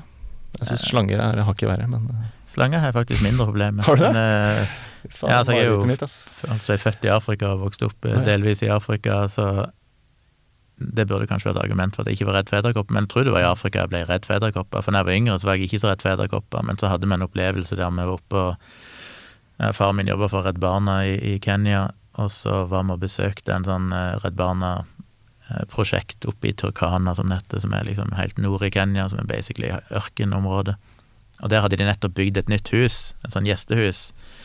Og der skulle vi, meg og mine to brødre, overnatte. Men det huset var ikke helt ferdig, de hadde ikke fått på sånne lister under dørene og sånn. Mm. Og så var jo jeg sånn i den tida at jeg måtte alltid lese litt under eller sånn før jeg sovna. Jeg var jo ti-elleve år gammel. Så jeg lå jo med lyset på, og det er ikke veldig smart hvis ikke du har isolert huset ditt, for plutselig så var det jo rene Indiana Jones der inne, det var bare kravla insekter overalt. Husker det kom ei svær bille som plutselig bare krøyp ut av trusa mi oppover ryggen, og vind Altså, jeg, jeg lå og hylgrein. Og der oppe har de jo blant annet hunting spiders og sånn, som er ganske Ja. giftige. og og jeg tror etter den, etter den seansen der For det nesten, så til slutt så skrudde vi av lyset, så når vi våkna neste morgen, så var jo alt vekke. For meg Ja. lyset kommer, så forsvinner de. Men, men etter det så har jeg alltid vært redd insekter, så jeg tror jeg ble traumatisert av den Ja, skjønner. Du ble ikke bitt, eller? Nei, det var jo ikke noe Det gikk helt fint. Jeg ble aldri bitt av noen. Vi, vi var jo borti alt mulig av Ja. skorpioner og sånne ting, men det gikk alltid bra. Så du reiser ikke ofte til Australia, du? Nei, jeg har nok en, eh, en liten aversjon mot Australia. Det føler jeg jo er et eh, grusomt land. Alt det, det kan jo drepe deg der, da. Eh, post hoc ergo propter hoc. Det betyr eh, rett og slett eh, falske årsakssammenhenger, gjør det ikke det? Altså hvis eh, Jo. B inntreffer etter A, så betyr det at, at A er årsaken til B. Og det driver jo veldig mye av irrasjonaliteten vår, alle sammen, fordi vi har en, en hjerne som nok har Jeg vet at det ikke er et norsk ord å si 'evolvert', men jeg syns alltid det er et godt ord å bruke. Selv om det vel egentlig ikke finnes, det ordet. Men vi har jo evolvert til å se den type sammenhenger, og det har jo vært veldig nyttig for oss, for det gjør jo at vi som mennesker kan holdt på å si, forutse framtida. Mm. Hvis du for noen tusen år siden, eh, eller hundre tusen år siden, eller hva tid det måtte være, mista et frø i bakken, altså noen dager seinere eller et par uker seinere, så kom det opp ei spire, så så du kanskje at oi, her er det en sammenheng mellom to hendelser Mm. som er atskilt i tid. Det er jo veldig nyttig, for da kan du forstå at ok, så hvis jeg planter et frø på nytt, så vil det kanskje om to uker da komme opp ei ny spire, at du ser at her er det noe. Um, kanskje et banalt eksempel, men poenget er iallfall at vi, det gjør oss i stand til å, å, å se framtida og se at du kan ha konsekvenser av ting. Og det er jo nyttig, men veldig ofte så er det jo feil. At vi ser to ting som skjer relativt tett sammen i tid, og så tror vi at det ene forårsaker det andre, selv om det egentlig er litt som du ber til Gud om eh, å hjelpe deg med økonomien, og så vinner du i Lotto to dager seinere, så vil du Mm. tenke at det var jo fordi jeg ba til Gud, men eh, Så sånne årsaksslutninger gjør vi jo hele tida, Mm. alle sammen, enten vi tenker over det eller ikke. Og eh, vi er jo, som jeg alltid sier, vi er jo ikke, vi er jo ikke sannhetssøkende maskiner, vi er jo meningssøkende maskiner. Som, jeg, som griper inn i alt av diskusjonen med fri vilje og alt det der. Men jeg, jeg mener jo at vi har en, en hjerne som i stor grad bare har én funksjon, og det er å prøve å rasjonalisere alt det du gjør, Mm. for å få det til å fremstå som at du har kontroll, og du er viktig, og du har mening. Eh, Og det kjen- tar jeg meg sjøl i hele tida, at det skjer et eller annet bra i livet mitt. Og så begynner jeg automatisk å tenke at ja, det er fordi at jeg Mm. gjorde sånne og sånne valg, og jeg har alltid stått for sånn og sånn, og derfor så Men hvis jeg virkelig er kritisk, så går det jo opp for meg at det er nok ingen sammenheng der. Altså, det er så mye mer i livet som er tilfeldig, men vi Mm. liker jo ikke tilfeldigheter. Uh, men vi er veldig ivrige etter å hele tida rasjonalisere alt sånn at ting henger sammen. Alt som skjer av gode ting, er jo en konsekvens av valg vi har tatt, eller handlinger vi har gjort. På den annen side så er vi jo samtidig da veldig flinke til at hvis det skjer dårlige ting, så er det jo alltid ting andre har gjort. Alle andre som har skyld i det. Mm. Negative ting i livet vårt er det veldig sjelden at vi gir oss sjøl kred for, eller antikred for. Men vi rasjonaliserer sånn hele tida, og jeg ser jo det i livet mitt òg, hvor aktiv hjernen min er i å hele tida prøve å, å få de brikkene til å falle på plass, liksom, at ting må henge sammen. Mens i realiteten så er det ekstremt mye tilfeldig. Um, Mm. du har egentlig mindre kontroll, tenker jeg, over livet ditt enn det du Mm. Altså, der du er nå i dag, så driver du en podkast der, hvorfor gjør du det? Mm. Du kan sikkert rasjonalisere det til valg du har tatt i livet ditt, men jeg tenker jo ofte at det er nok ekstremt mye tilfeldigheter som var langt utenfor din kontroll, Mm. men allikevel så Og det tenker jeg med hele livet mitt. Jeg har hatt en god oppvekst med gode foreldre som har vært glad i meg, og jeg har hatt eh, ja, mange ting som gjør meg privilegert. Og så kan jeg fort prøve å ta kred for ting sjøl, Mm. men så må jeg av og til gå i meg sjøl og tenke at men sikkert 98% av alt som er bra i livet mitt, har jo ingenting med de valgene jeg har tatt å gjøre. Mm. Det er fordi at omstendighetene lå til rette for det. Og det føler jeg er så viktig i, i det med skeptisisme òg, for det skaper en ydmykhet for at at det er veldig mye uh, Ja, at folk som som alle, alle er ikke like privilegerte, da, for å si det sånn. At Mm. mye av det som jeg tar æren for sjøl, er ikke min fortjeneste. Selv om jeg har veldig lyst til å Og kanskje litt på sida av hele post- og Kergo-Propter-hock-debatten, men, men det er jo mye det det handler om, da. Det er iallfall å rasjonalisere ting til å henge sammen. Ja, ja, men jeg syns det er interessant det at vi er liksom evolvert til å finne årsakssammenhenger. For jeg tenker sånn, I steinalderen så var det sikkert veldig gunstig med post-hoc ergo proctor-hoc, hvis jeg sa det i riktig rekkefølge nå. Propter-hock. Proctor-hoc. Eh, men i 2021, når vi liksom blir bombardert med informasjon og i det hele tatt, så er det jo veldig lett å finne falske årsakssammenhenger, da. Altså I dag så er jo det klassiske klassisk eksempel er selvfølgelig vaksinebivirkninger. Med, hvis du har Jeg bruker vel ofte det Det var under svineinfluensapandemien, og for så vidt nå igjen da med covid-pandemien, så, jo, så var det jo påstander om at folk, eh, kvinner spontanaborterte etter å ha fått vaksinen. Og det er veldig lett å forstå psykologien i at folk tenker at det er forårsaka av vaksiner. Eh, det ble jo gjennomført gode studier på det i 2009, og de fant at det var ingen sammenheng. Eh, Svineinfluensavaksinen økte ikke risikoen. Faktisk så så det ut til å redusere risikoen litt, selv om den var ikke statistisk signifikant, vel. Men, men allikevel, tenk deg at du er en gravid kvinne, og du tar den vaksinen, og så ei uke etterpå spontanaborterer du, som er en forferdelig traumatisk hendelse. Og når ting som er traumatisk og trist skjer, så vil du iallfall alltid prøve å finne en forklaring. Liksom, hva, hva var det som gjorde dette. Det er lett å forstå at du da går til det, det ene tingen som kanskje var liksom nytt i livet ditt, som at du fikk en vaksine. Det er liksom den ene variabelen som har vært veldig forskjellig for alt annet som har skjedd i livet ditt de siste månedene. Um, og det, den, årsaks, den der trangen etter å finne en forklaring blir jo da så sterk at du veldig fort tenker at vaksinen førte til spontanabort. Samme med, med meningokokk-vaksineforsøket på 80- og 90-tallet, altså den hjernehinnebetennelsesvaksinen som ble testa ut på ungdomsskoleelever. Eh, blant annet meg, jeg var vel òg en del av det forsøket. Der en del i ettertid hevda at de hadde fått ME, blant annet, av denne. Mm. Så ble det jo gjennomført en stor studie der de så på tre grupper, vel. De som hadde fått vaksine, de som hadde fått placebovaksine, og de som ikke var vaksinert i det hele tatt. Og fant at det var ikke noen flere ME-tilfeller i vaksinegruppa som med stor sannsynlighet kan si at den, den vaksinen neppe utløste ME hos noen. Men det er klart at av alle de da som fikk ME i etterkant, mm. så vil jo de veldig sterkt føle at det må ha vært den vaksinen som gjorde det. Mm. Og jeg har jo sjøl vært i direkte debatter med, med folk, minst én eller to, som har fått ME og var med i det forsøket. Og du kan jo vise til alt mulig av forskning, men de nekter jo å akseptere at ikke det skyldtes vaksinen. Selv om det selvfølgelig ikke finnes noen direkte link, det blir jo bare en antakelse de gjør. Men, men det virker Vi er jo så igjen da meningssøkende. Vi, vi, er så opptatt av at ting må ha mening. Vi aksepterer ikke tilfeldigheter. Mm. Og det tenker jeg ofte er det som ofte skiller en Altså jeg går som en god skeptiker ifra en litt mer alternativ tenkende, det at eh, som skeptiker så prøver jeg alltid å minne meg sjøl på det, at livet er veldig tilfeldig, og at mange av de årsakssammenhengene jeg ser, er det bare jeg som skaper, fordi at jeg mm. trenger å føle mening og kontroll. Men være litt ydmyk for at eh, fryktelig mye av dette er langt utenfor min kontroll. Det er bare tilfeldigheter. Ja. Men nå skal jeg ta et uh, morsomt eksempel fra mitt eget liv her. Fordi uh, jeg har skjønt at du er jo kritisk til kiropraktikk og naprapati og osteopati. Mm. Uh, og det er litt spennende om jeg nå er offer for post hoc ergo procter hoc, eller Propter. Propter hoc. Rett skal være rett. Eh, jeg har i hvert fall gått til en fast osteopat i 15 eh, år, eh, som hjelper meg med da senebetennelse, som jeg ofte får etter jeg spiller for mye gitar. da. Mm. Jeg har, føler selv at jeg har Bare slutt å spille gitar, så er problemet løst. Det er det som er problemet.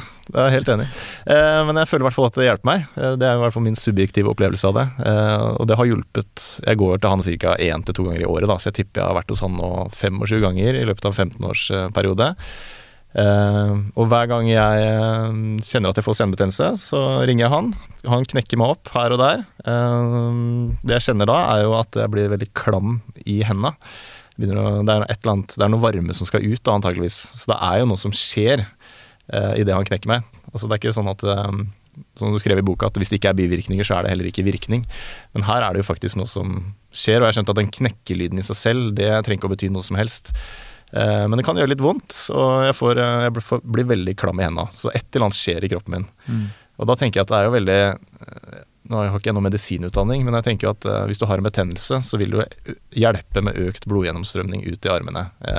Og det at jeg begynner å svette i hendene, er jo ikke helt irrasjonelt å tenke at det er pga. økt blodgjennomstrømning ut i ekstremitetene.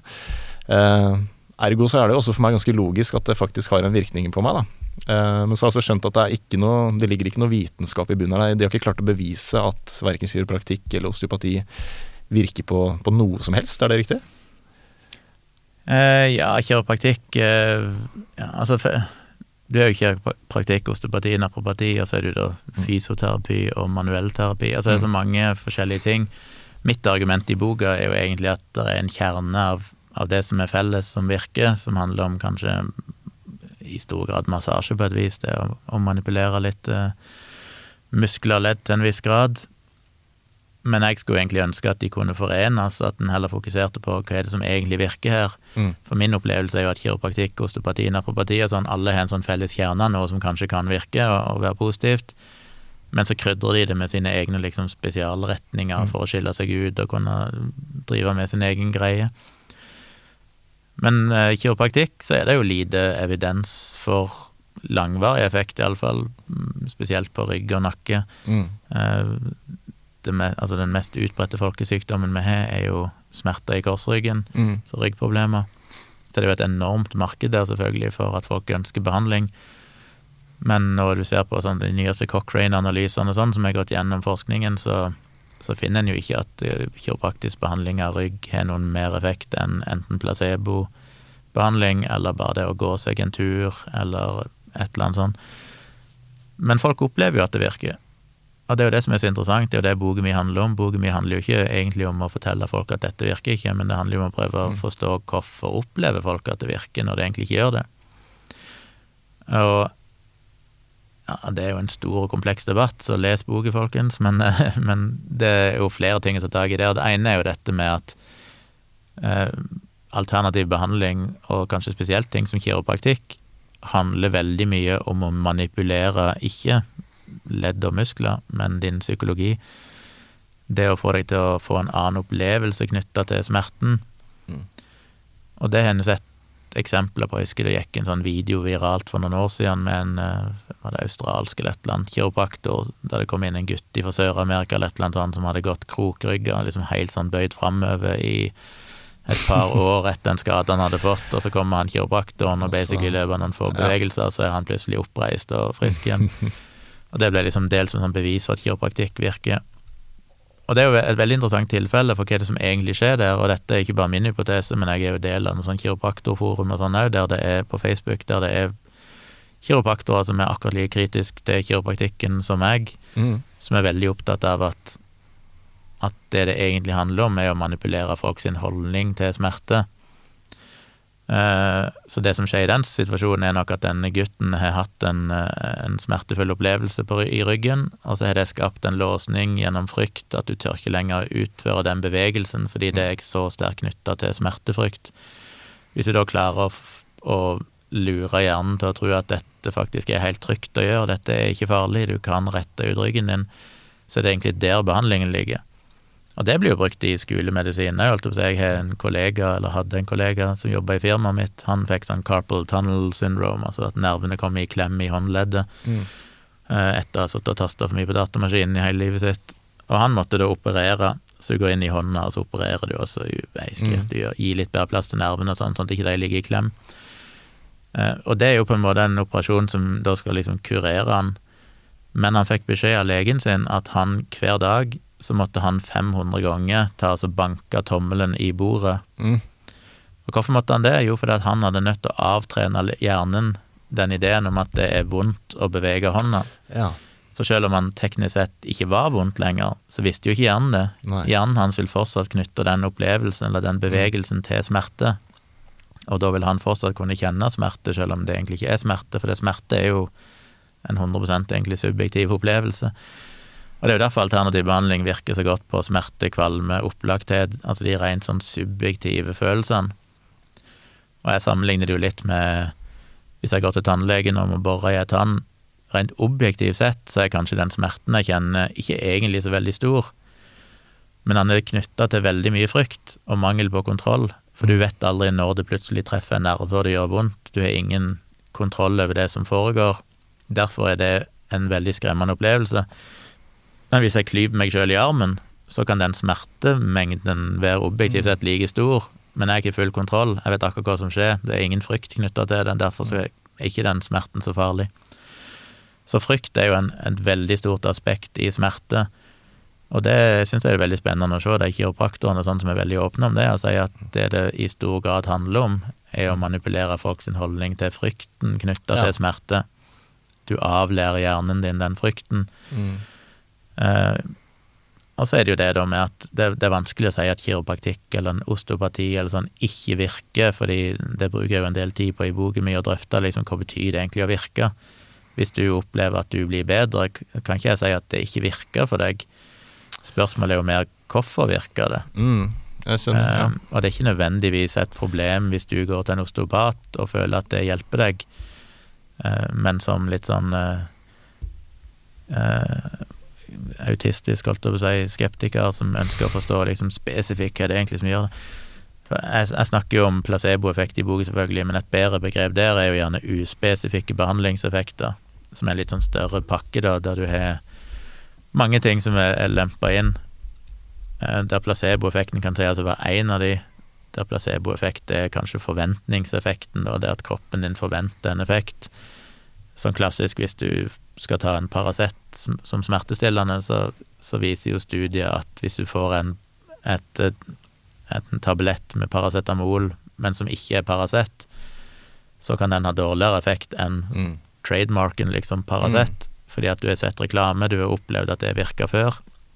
Hvis du bare får en hvit tablett som du egentlig ikke vet hva er, og bare sier ta den, så kan det ha mindre effekt, fordi at da er det så lite forventningseffekter knytta til det. Eh, så det, det, en, det, spiller jo en stor rolle.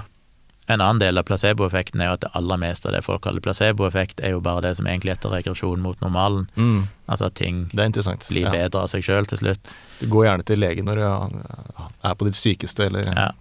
kjenner størst smerte, og da går det naturligvis tilbake mot regresjon mot normalen. Ja, og Derfor så virker jo gjerne alternativ behandling veldig ofte på kroniske sykdommer. Altså, som jeg innleder i boka, ser på statistikken, så er jo de som oppsøker alternativ behandling, har som regel en litt større grad av kronisk sykdom enn det andre har. Og det er jo forståelig, både fordi at de har ikke fått noe hjelp i helsevesenet, for det finnes sannsynligvis ingen behandling, så de søker jo etter andre ting. Men òg det at hvis du har en kronisk sykdom, som da per definisjon er en eller annen eh, sykdom eller smerte eller lidelse som varer over tid, så vil det gå i bølger. Og da da har du liksom alt å vinne på å tilby en eller annen tullebehandling. fordi at hvis du, For det, det er så bra med alternativ behandling, for det klassiske mantraet er jo at det vil bli verre før det blir bedre. Mm. Det er det du alltid hører. Og det er jo en sånn eh, garanti for at det blir suksess, fordi at hvis du går til behandling, og så blir du verre en periode, men så blir du bedre, så vil det være bevis ja, på at det virker. Du ble verre. Ja. Hvis du derimot blir bedre med en gang, så er det fortsatt et bevis på at ja, men det virker jo. Men i realiteten så handler jo dette om at symptomene går i bølger, mm. og før eller seinere så vil du ha en bedre Det er ikke sikkert du blir frisk, men du har kanskje en bedre periode med mindre symptomer. Mm. Og da er det igjen dette postdoc ergopropter hoc, at du tenker tilbake igjen og sier ja, men jeg, jeg gikk ut til en homopat for to uker siden, og nå føler jeg meg bedre, ja, ja. så derfor er det nok sannsynligvis det. Mm. Så du kan på en måte ikke tape. Jeg bruker jo sjøl eksempelet på hvis jeg får hodepine, som jeg ekstremt sjelden får, heldigvis. Men hvis jeg en sjelden gang skulle kjenne litt hodepine, og så tar jeg et par Paracet, kanskje. Mm. Litt seinere så forsvinner hodepinen. Jeg kan jo ikke vite om det var Paraceten som gjorde det. Nei. Mest sannsynlig så ville den hodepinen ha gått over av seg sjøl. Og når tar jeg Paraceten? Tar jeg den umiddelbart? Nei, som regel så venter jeg en stund før liksom bare ser blir dette ille, og så venter jeg til å nå er det skikkelig vondt i hodet, nå tar jeg det. Mm. Men da er jo ting på sitt verste, da kan det jo egentlig bare bli bedre. Mm. Så enten jeg hadde tatt to Paracet, eller jeg hadde jogga en tur, eller jeg hadde hoppet opp og ned ti ganger og sunget Take On Me, så ville jeg ha blitt bedre. Og da er det igjen postdoc ergopropter hoc, at du tenker at fordi jeg gjorde dette, så ble jeg bedre. Ja. Men egentlig var det en naturlig, det var en regresjon mot normalen. Ja, så når folk sier at ja, folk som går til Snåsamannen, det er bare placeboeffekt, sånn nei. Med Snåsamannen så tror jeg nok ja, det er kanskje litt placeboeffekt, men i de aller fleste tilfellene der så er det jo bare det at folk blir bedre før eller senere uansett.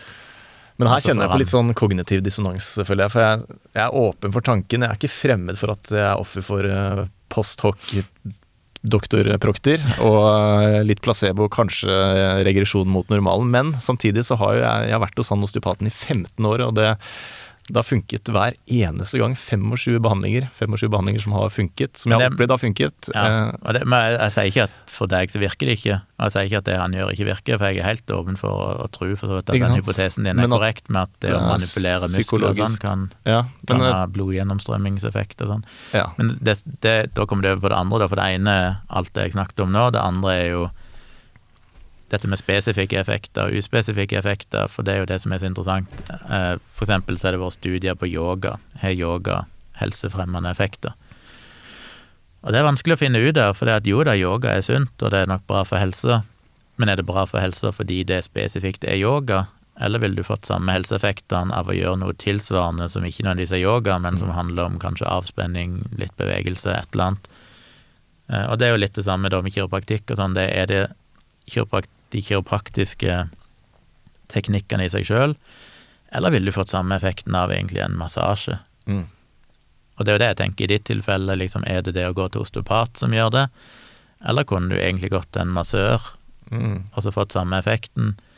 For, for eh, Men det er sånn, det er jo ikke så viktig hvis du får den effekten du får, og han basically gjør det samme som en Altså hvis han ja, manipulerer musklene dine eller leddene dine og sånn, og du får økt blodgjennomstrømming, så, så er jo det en plausibel hypotese for at det faktisk hjelper.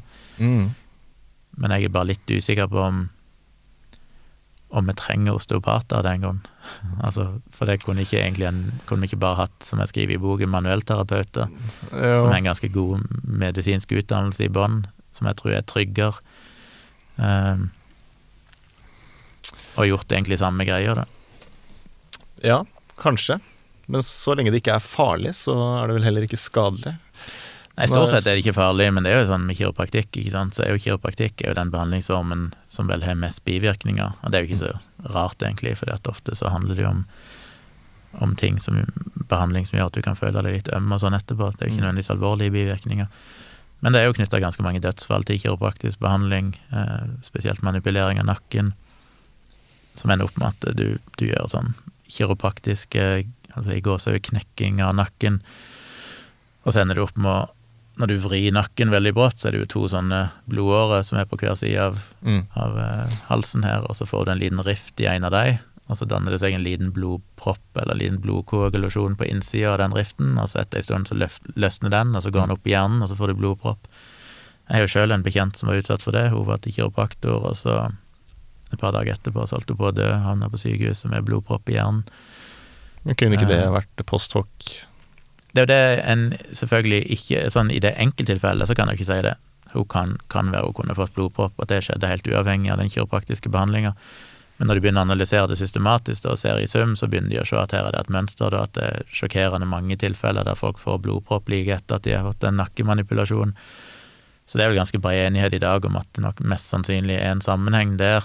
Det er fortsatt sjeldent. Og det er Mm. ikke sånn at eh, jeg mener du kan si det samme om veldig mye skolemedisinsk behandling, selvfølgelig, at, eh, at det er mye bivirkninger der òg. Men det er jo da en alltid kommer til den her balansen mellom at ok, vi vet jo for eksempel at å få cellegift hvis du har kreft, har enorme bivirkninger. Men så må du se, men er det verdt det med tanke på de gode effektene, altså det at du faktisk kanskje overlever kreften? Eh, Samme med vaksiner, ja, det er til dels kan det være alvorlige bivirkninger knytta til covid-vaksinene, men i sum er fordelen større enn risikoen. Eh, ikke bare sånn litt større, men er han massivt større, og det er han jo, så derfor så tar vi den risikoen. Mens med kiropraktikk, når du ikke kan påvise at det har noen som helst effekt å manipulere nakken, og samtidig så er det en potensiell dødelig bivirkning, da går ikke det regnestykket opp lenger. Så hvis det med kiropraktisk behandling av nakken hadde en stor og beviselig effekt, Mm. Så ville det kanskje være verdt at av og til så var det en bivirkning som var alvorlig. Men det er jo den balansen en alltid må se, at du må alltid vurdere det opp mot hverandre. Så det er jo ikke som at skolemedisin ikke har bivirkninger, det er jo Nei, masse nei. bivirkninger der òg, men det er samtidig reelle virkninger på den andre sida Ja. som er, gjør at det er verdt det. Men så lenge kiropraktikk har eh, fysiologiske bivirkninger, så må det nødvendigvis også ha fysiologiske virkninger. Da. Selv om det kanskje ikke kan kurere alt det de hevder det kan kurere, så skjer det jo et eller annet i kroppen når du går til en kiropraktor. Det er ikke sånn at det ikke skjer noe som helst. Det er ikke homopati, da. Uh, og det er jo det, i boken min så trekker jeg jo fram tre alternative behandlingsformer som jeg vier ett kapittel til hver.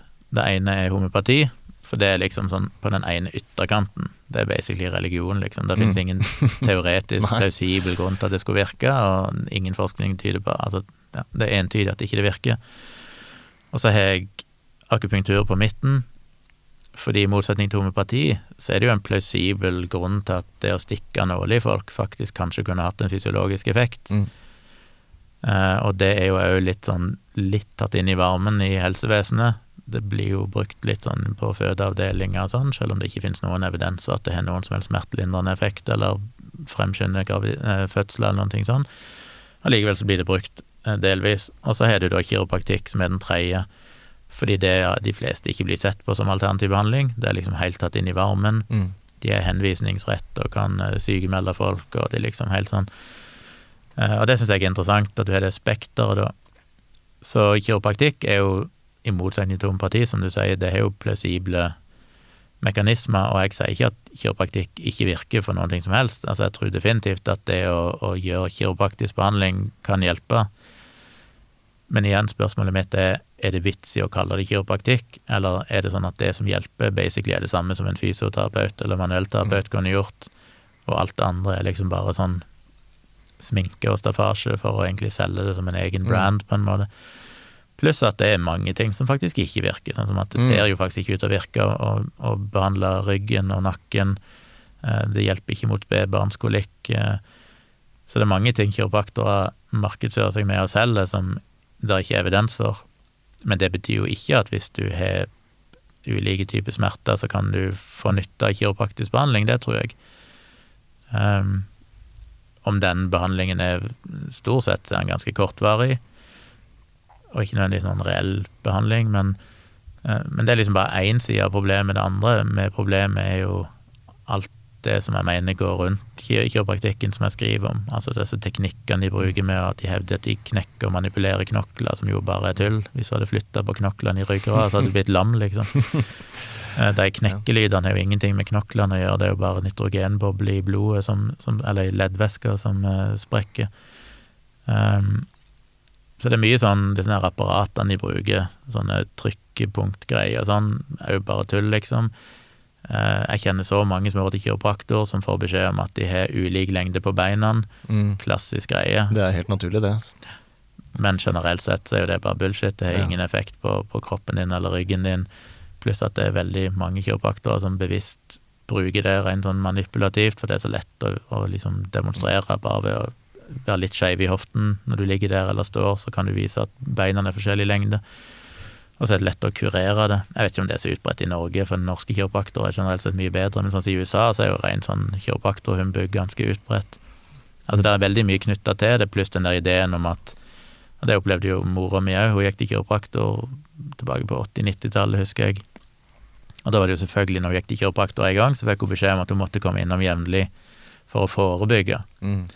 Og det syns jeg er veldig problematisk, den ideen om å selge behandling for at du ikke skal bli dårlig.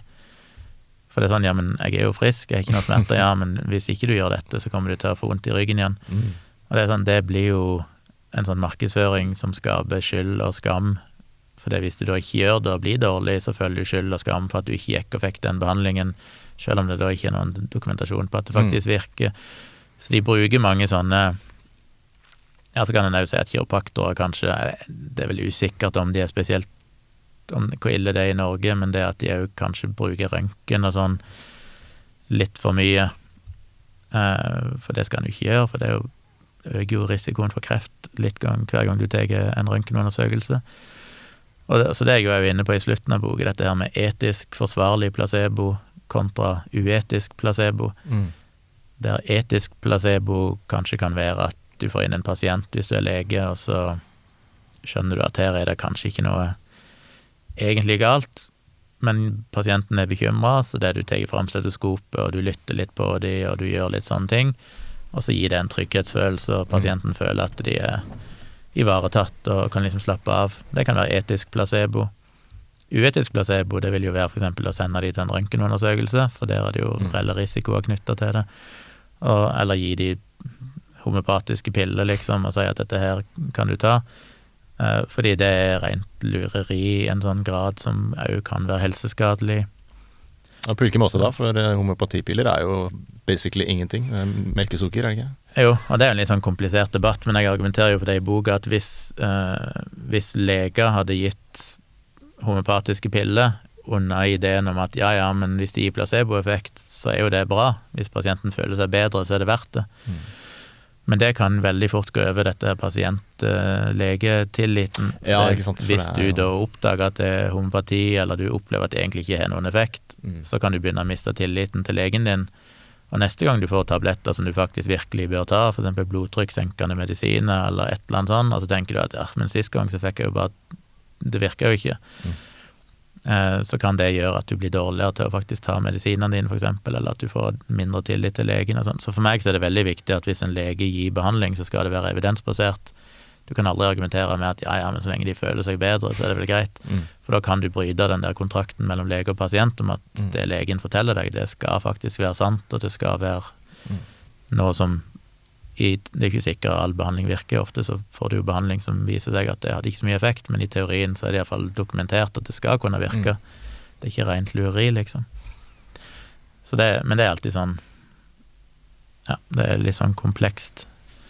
Eh, som er grunnen til at jeg har skrevet en hel bok om det. For det er ofte når mm. folk spør ja, men er det så farlig, så er det sånn Det er farlig, men det krever kanskje ei bok å forklare det, hvorfor dette er problematisk. Absolutt. som henger sammen. Den anbefaler å lese den boka. Den er jo ja, 400 sider eller et eller annet, så du tar jo ja. for deg ganske mye, da.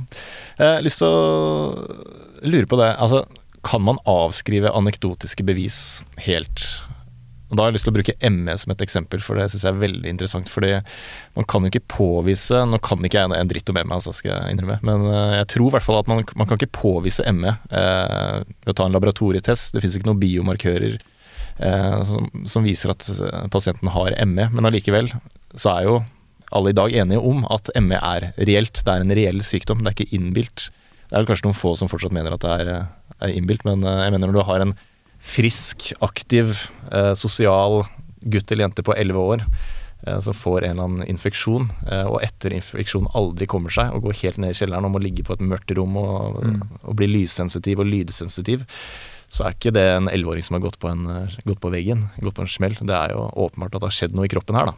Eh, men det er ingen Vitenskapen klarer ikke å forklare det. Eh, hva, hva tenker du om ME? Ja, jeg har hatt et par episoder i podkasten min om dette, blant annet med en ganske så oppheta debatt med en en som nok er på den sida at ME primært er psykologisk. Mm. Uh, og det er en vanskelig debatt, for jeg tror jo det går jo rett inn i kjernen på dette her med liksom kropp og syke. Er det egentlig et skille der? Hvor mye henger dette sammen, som er jo relevant for alt av alternativ behandling og sånn? Jeg er nok der at jeg har jo bekjente sjøl som er veldig alvorlig ME-syke. Blant annet ei venninne som har leid i et mørkt rom i mange år. Mm. Eh, Mista hele sin oppvekst omtrent ungdomstid fordi hun er bare leie alene på et rom. Ja, ja. Og så har jeg andre Jeg husker jeg ble kjent med for noen år tilbake som, som hadde fått en ME-diagnose, måtte slutte jobben sin. Eh, men etter ei stund så begynte hun å jobbe med jeg husker ikke hva det var, men et eller annet greie som hun lagde sjøl, håndarbeid, et eller annet sånt, som hun syntes var veldig trivelig og gøy. Og så endte hun opp med å starte en bedrift rundt det, og, og, begynte, og ble liksom da kurert. Og for meg så, så, føles det jo da som at i noen tilfeller så virker det jo egentlig veldig psykologisk, at det er folk som mistrives i jobben, det er stress, de møter veggen, som du kalte det på 90-tallet, det var veldig populært at folk møtte veggen, liksom, og ble utbrent og sånne ting. Um, mens når du da endrer livssituasjonen din og, og får en mer lystbetont hverdag og ting du brenner for, så blir du frisk igjen. Og da er jeg alltid litt sånn skeptisk. Er det liksom, kan, kan, det være det samme som det hun venninna mi som ligger på et mørkt rom og er helt eh, liksom alvorlig sjuk? Så for meg så er jo ME fortsatt en, en sekkediagnose. da, Det er veldig mm. mye som blir putta inn i ME, og jeg tror at noen av de er nok mer den klassiske utbrentheten. Men så tror jeg òg det er et segment med folk som mest sannsynligvis er et eller annet biologisk eh, Og så henger jo de to tingene sammen òg, da, at hvis du først kanskje har en biologisk årsak, så kan det òg føre til at du rent psykologisk, selvfølgelig, møter veggen. Eh, mm. Kanskje blir over, over eh, sensitiv for symptomene dine, blir overvar for at du ikke må gjøre ting. Litt som det med, med ryggsmerter, kiropraktikk, at du, du, kroppen din skaper frykt knytta til forskjellige ting, og derfor så blir du mer passiv, kanskje, og så blir det en ond sirkel, og så ja, Så det, alt det der henger sammen. Jeg tenker jo at det er en sekkediagnose, at det er begge deler. Når det gjelder det med biomarkører, så er jeg ikke noen ekspert på dette, jeg heller, men jeg har jo lest en del om det og fulgt den debatten i mange år. Så er det jo veldig delte meninger. Det er jo en del studier som mener at de finner klare biomarkører, og så er det andre som er veldig kritiske til de studiene. Mm. Blant annet så er det kanskje usikkert om Jeg hadde jo et intervju i podkasten min om en fra den andre leiren som driver og forsker på dette, og mener veldig tydelig at der finnes det biomarkører, at de har funnet det. Spørsmålet er jo selvfølgelig alltid er de biomarkørene en årsak til sykdommen, eller er de en konsekvens av sykdommen? Er det det at du har vært passiv, kanskje endra kosthold, eh, leie i et mørkt rom, som gjør at kroppen da produserer andre kjemikalier, si, altså biomarkører, som du da detekterer, men at det er bare en konsekvens av at du allerede er syk, så det er ikke sikkert det nødvendigvis beviser noen ting som helst, så de, de lærde strides jo fortsatt. Men eh, Så jeg òg syns det er vanskelig. Jeg, jeg, det, det er vanskelig å tenke at en person som har leid i mange år på et mørkt rom og ikke kan bevege seg Holdt på å si, bare innbille seg det. Ja, for meg høres det helt sjukt ut. Det Men klarer jeg ikke å få til å stemme. det, men samtidig så skriver jeg jo i placebo-defekten òg, da, om For der prøver jeg òg å drøfte dette her med at det selvfølgelig er Altså det med det som jeg kaller for psykosomatiske sykdommer, er ganske sterkt. Altså, det er jo òg relevante ting jeg har snakka og skrevet mye om, eksempel elallergi, da, frykten for mobilstråling og wifi. Det er jo ting som Det er jo veldig lite sannsynlig at det faktisk har noe med mobilstråling å gjøre. Men dette er jo folk som allikevel kan få omtrent ME-lignende symptomer, så de kan bli helt invalide Mm. fordi de mener de har en eller annen mobilmast i nærheten. Mm. Og det må man jo ta på alvor. Og det er jo ikke sånn at de bare innbiller seg at de er syke. De er jo reelt sett sannsynligvis veldig sjuke. Eh, og som jeg skriver i boka, så viser jeg jo eksempler på folk som Det er jo en kjent historie da med en som holdt på å ta selvmord på placebopiller. Han var med i et eh, vitenskapelig forsøk. Og så var det et eller annet brudd med kjæresten, eller noe sånt, han gikk helt i grøfta og fant ut han ville ta livet sitt. Han tok en overdose av de pillene, og blodtrykket raste. Eh, ja, alle symptomer tyda på at han mer eller mindre var i ferd med å dø, hjertet holdt på å stoppe. Han ble sendt til legevakten, eh, og de begynte å behandle han, og så var det en lege der som visste at han var med i dette forsøket, og de sjekka, og de fant ut at han var i placebogruppa. Så de pillene han hadde tatt, var jo bare sukkerpiller, det var ingenting. Ja. Når han fikk vite det, så etter i løpet av et kvarter så normaliserte blodtrykket seg igjen, og sånn, Mm. og han overlevde. Eh, Jeg skriver jo om folk som har mista synet, blitt blinde, folk som Mm. er blitt lamme, som er knytta til stress i jobben, alt det Mm. der. Så det er klart at det rent psykologiske kan ha ganske dramatiske effekter. Absolutt, ja.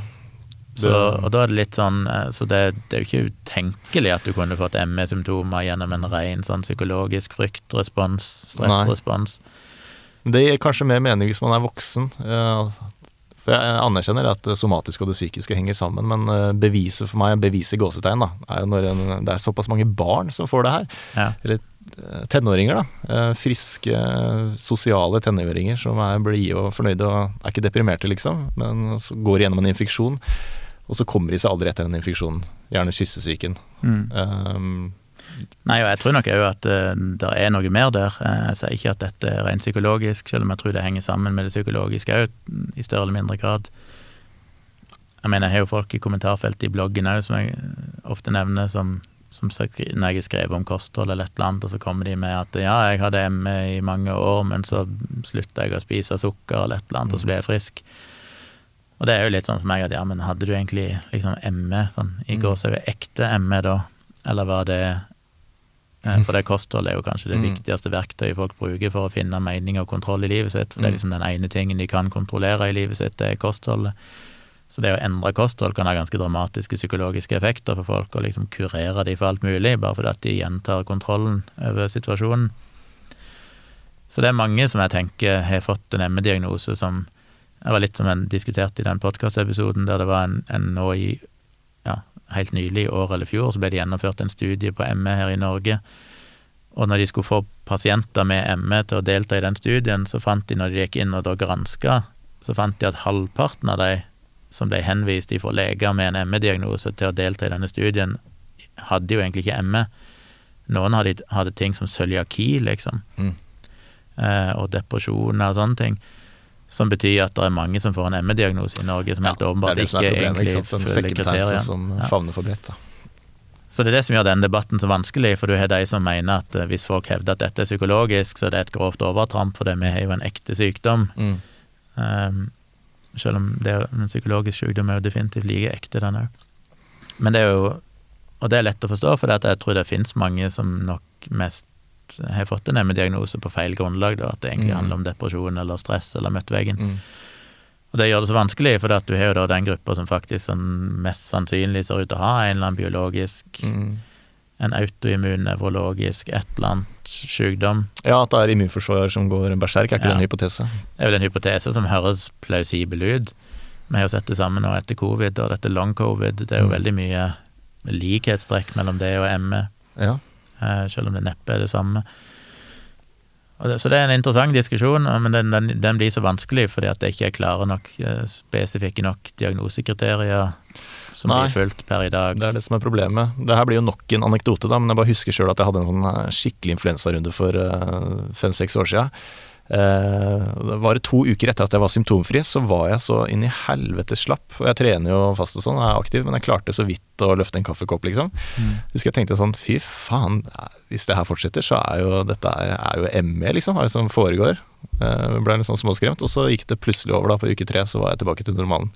Jeg bare tenkte den der post-infeksjon-slappheten som mange opplever etter eh, Dette blir bare sånn fabulering, da, men jeg tenker at det kan ha noe med det å gjøre. da. Hvis den postinfeksjonsslappheten ikke gir eh, slipp, da, men at det faktisk Mm. blir verre. Um, ja, Det er i hvert fall min uh, hypotese, at det har noe med en infeksjon å gjøre. da. Jeg er jo sjøl en, en, eh, en god venn som uh, jeg gikk på videregående. Jeg gikk jo på Sirdal videregående skole, som er et idrettsgymnas. Ironisk nok, for jeg er jo veldig lite sportslig av meg. Men akkurat det året i 1990, når jeg eh, gikk ut av niende klasse, så åpna de en allmennfaglig linje, så jeg, jeg begynte å gå på allmennfaglig linje på videregående. Men i parallellklassen min på idrettsfaglig så var det en fyr. Og han var veldig aktiv og veldig sånn up and coming skiskytter.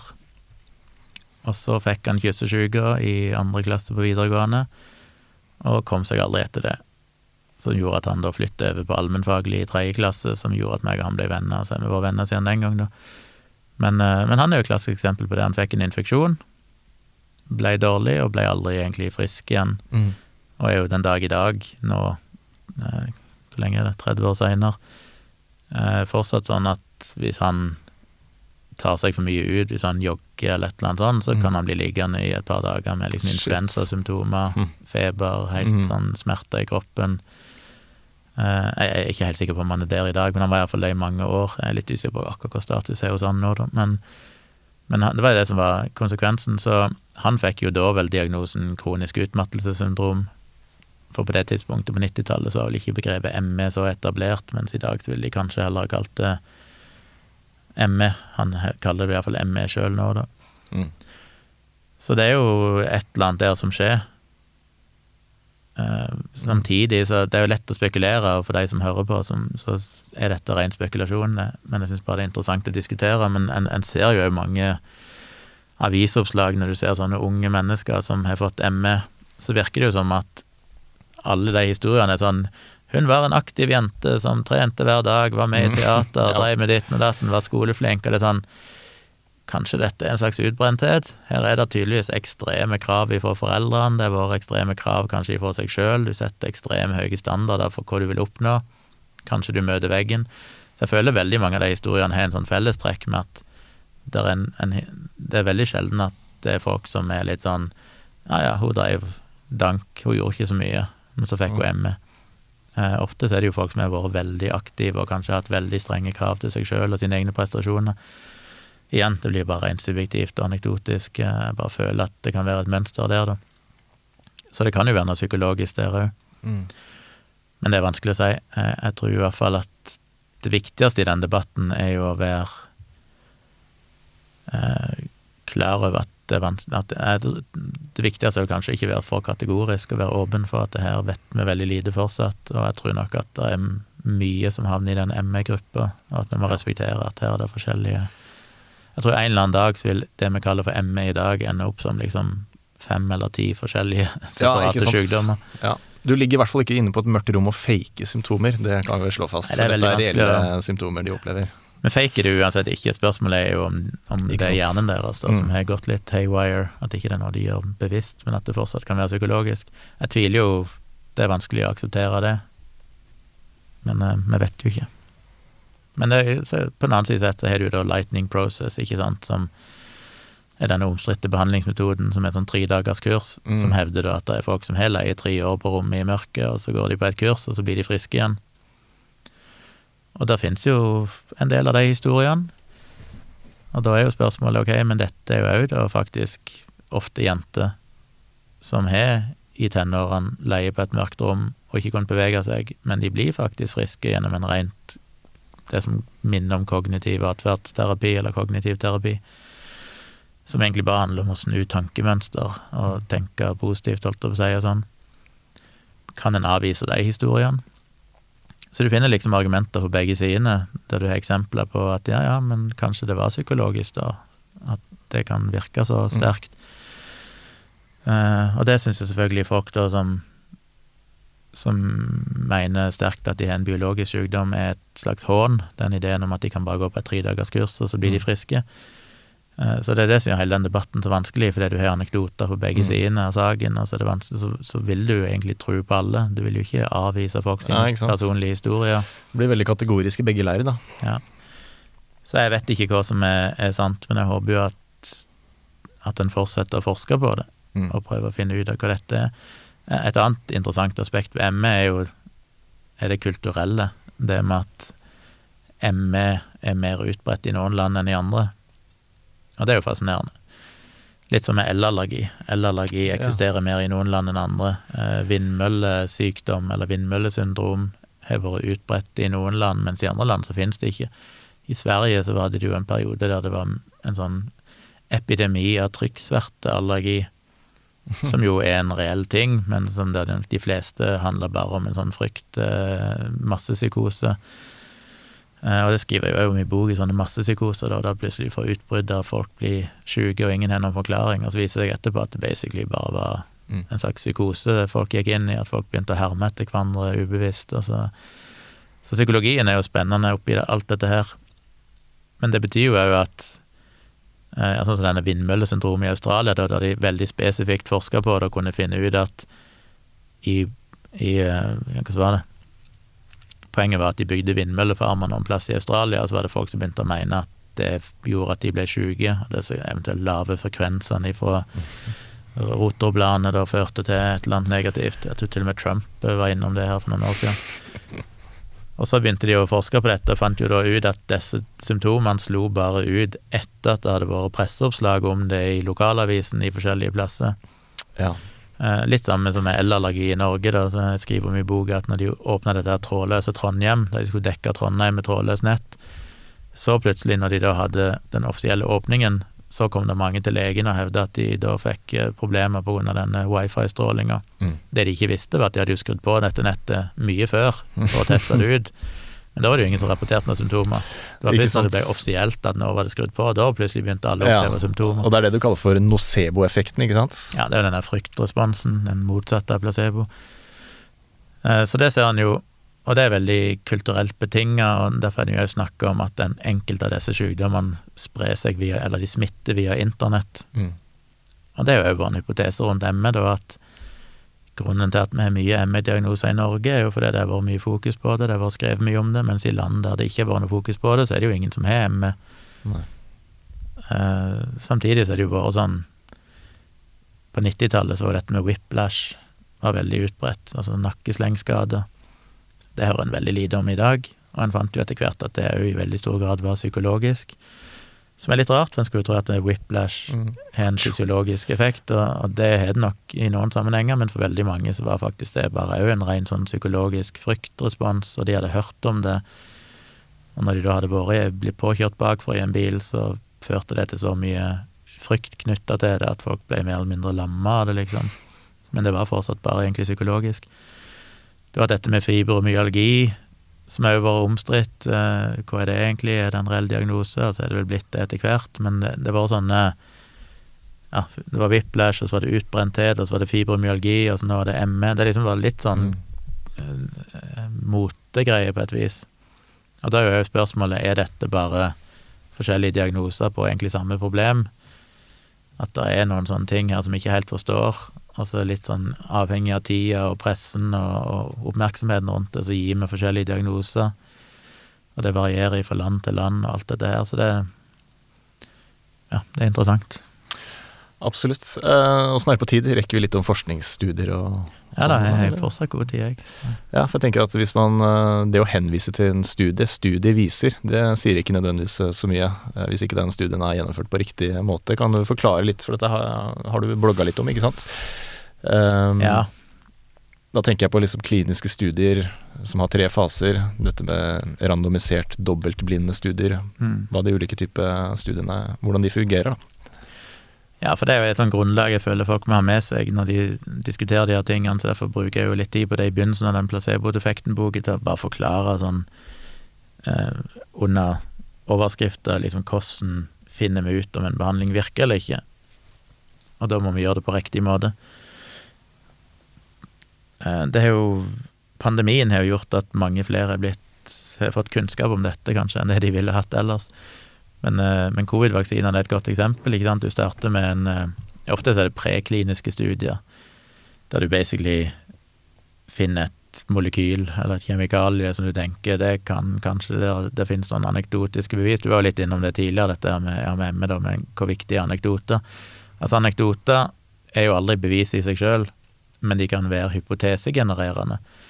Du kan legge merke til at uh, mange mennesker som som gjør et eller annet, eller spiser et eller annet, eller sånn, ser ut til å ha mindre hyppighet av en eller annen sykdom, kan det være en sammenheng?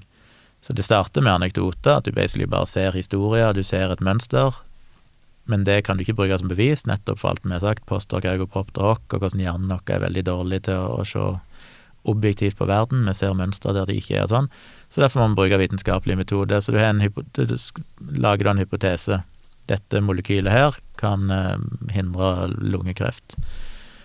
Så starter du gjerne da med På tidlige faser så kan det være alt fra datasimuleringer til ditten og datten, og så er det gjerne dyreforsøk.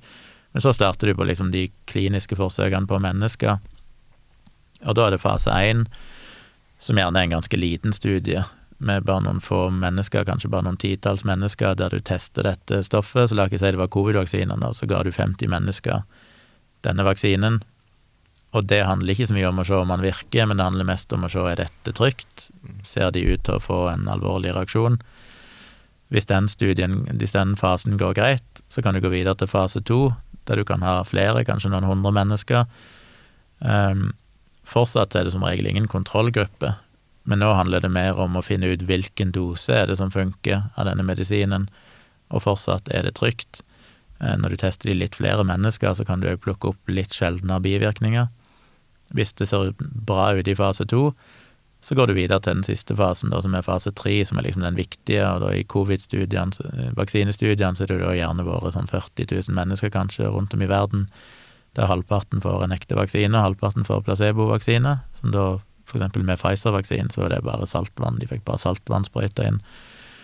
Men dette er jo da randomisert og blinde, og randomisert betyr jo at du passer på at de som er i begge gruppene, er stort sett likeverdige, så ikke du risikerer at i den gruppa som får medisin, så er det unge, friske folk, mens i den gruppa som får placebo, så er det gamle, skrøpelige folk. Mm. For da kan det jo fort se ut som oi, denne medisinen virker bra, for disse folkene er jo så friske, mens mange døde i, i den andre gruppa og sånn. Eh, så det er randomisering, så det må gjøres skikkelig. Og så er det det med kontrollgruppe, at du har to grupper, da, en som får narremedisin, og en som får ekte medisin. Og så ser du da, analyserer du da dette statistisk og registrerer data og sånn. Og så blir det da til slutt avblinda, der du da sjekker ok, hvem var det egentlig som fikk medisin, og hvem var det som fikk narremedisin. Og så kan du da finne ut virker den ene bedre enn den andre. Og igjen så er jo placeboeffekten relevant, for du vil som regel da hvis du tester en behandling, f.eks. med homopati, så er jo det typisk. Du gir homopatisk behandling, mm. og da ser du jo at i placebogrupper så blir òg folk bedre. Så placeboeffekten er jo som regel relevant alltid, fordi at når folk får en behandling, eller vet de blir observert, så vil som regel folk føle en bedring. Ja, det er den Hawthorne-effekten, er det ikke det? At, ja, den der Hawthorne-effekten Hawthorne. som jo for så vidt er omstridt hvor reell den er.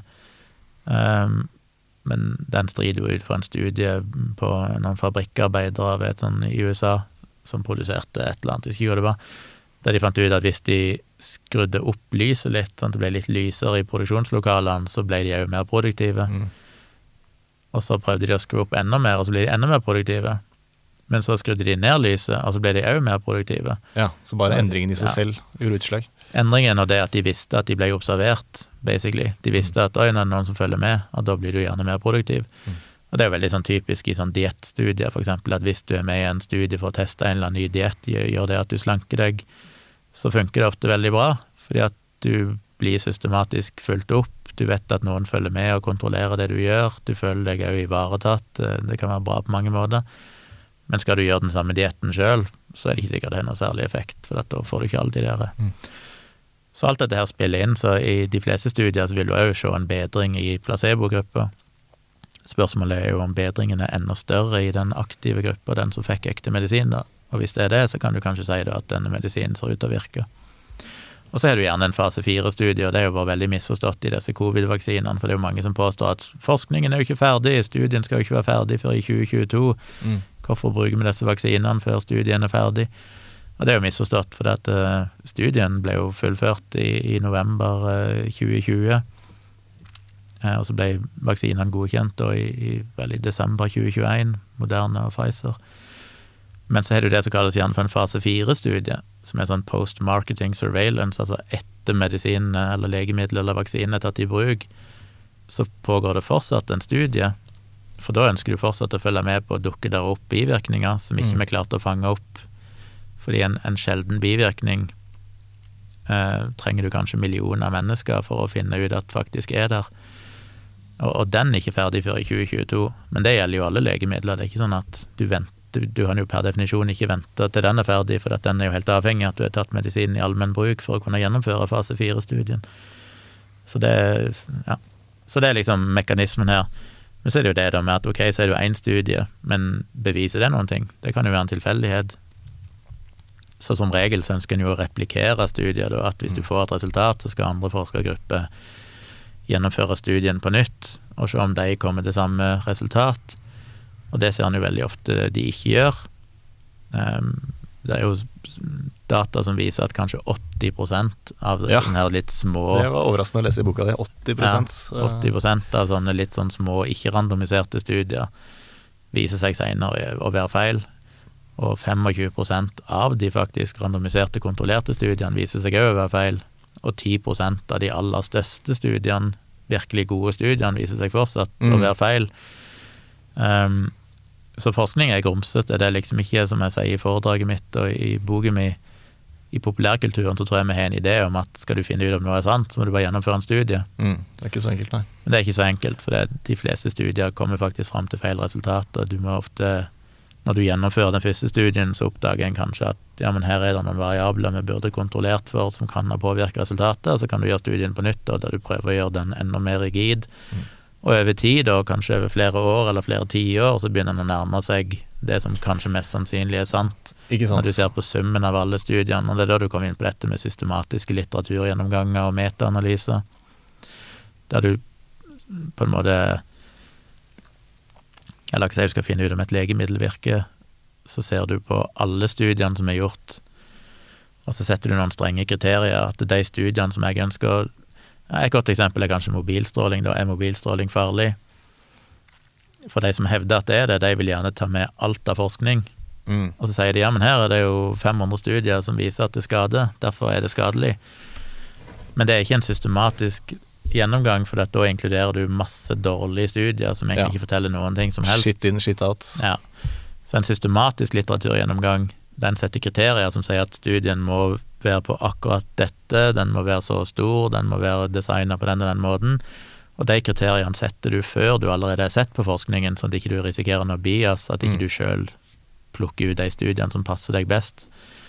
Så du setter noen strenge kriterier, og så begynner du å, å hente ut forskning basert på de kriteriene. Da skal du på en måte få et objektivt utvalg.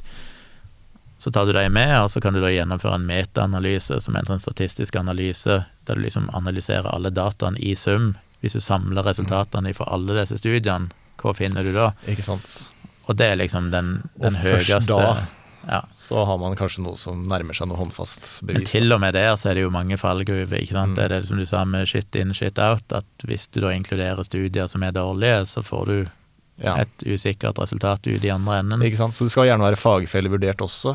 Ja, det er jo et viktig publisert. moment. dette med, Og det, i, i, moderne tid så er jo dette med Ivermektin er jo bare et klassisk eksempel på det. Det er blitt ja. gjennomført metaanalyser på Ivermektin-studier som da viser at i sum så ser det ut til at Ivermektin virker veldig bra mot covid-19. Men så når du da går inn og ser på dette, så ser du at det er det klassiske shit in, shit out. Altså det er masse ja. studier som er søppel. Hele smælene samla inn i en metaanalyse. Så. Det er ikke kontrollgruppe, det er bare sånn rene anekdoter omtrent. Mm. At de ser på noen pasienter på et sykehus som ser ut til at de ble bedre når de fikk Ivermektin, og så blir de inkludert i en metaanalyse. Og når du da begynner å eliminere de dårlige studiene, Og da, som den òg har sett i seinere tid at de aller viktigste positive studiene har jo nå vist seg å være rene falsifikasjoner. Oi, såpass òg, ja. Ja, det er jo så drøyt. Eh, der de har kopiert data og dikta opp falske pasienter. Der er studier som ikke har blitt gjennomført engang. Det er ingen på sykehusene som noen gang har visst at det var noen studier her, ingen som kan rapportere, men de har bare likevel skrevet en forskningsartikkel der de bare dikter opp fiktive tall. Når du eliminerer dem, så ender du plutselig opp med at metaanalysen viser at dette virker jo ikke i det hele tatt. Oi. Så det er jo, det er jo bare en katastrofe, akkurat det der. Hva er greia? Hvorfor? Brett Weinstein virker ikke som han klarer å slippe det heller. Er det ego som har blitt for stort her, eller? Ja, Den psykologien der syns jeg er så fascinerende, med, med, Robert Malone og Brett Weinstein og folk som er flinke, akademiske mennesker. Ja, Framstår som en sånn fanebærer for uh, fornuftig, rasjonell tenkning. Sikkert veldig, veldig intelligente på alt dette her, altså likevel en eller annen gang så blir de fanga i en sånn Uh, altså det er, jo, det er jo liksom faren med podkast og YouTube og sånn, at det er fort gjort å bli fanga i den der uh, berømmelsen. Uh, mm. Du kan tenke deg, hvis du har vært en forsker som har jobba innen et eller annet felt Robert Malone er vel kanskje det klassiske eksempelet på det. altså Han blir jo av de som digger han, kreditert for å være oppfinneren av mRNA-vaksiner. Det er jo bare tull, han har jo ikke hatt noen ting med mRNA-vaksinene å gjøre, men han var riktignok en av de som tidlig på 80-tallet og ut på 90-tallet fremma den hypotesen om at du kanskje kunne bruke mRNA-molekyler til å mm. levere informasjon til kroppen, og gjorde noe tidlig forskning på det, så han har vært en viktig og veldig dyktig person sånn sett. Men mRNA-vaksinene dukka jo egentlig bare opp eh, ut på 2000-tallet, lenge etter at han var involvert i det. Ja.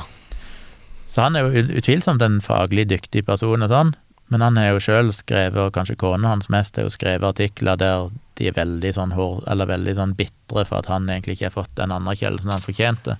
Å oh ja. Kanskje ligger noe der. Og der ligger det nok noe, for det er når han da plutselig var noen som begynte å blant annet manipulere Wikipedia-artikkelen om mRNA-vaksinene og skrev inn at han hadde oppfunnet det og sånn, og så ble det fjerna igjen, for det var jo ikke sant.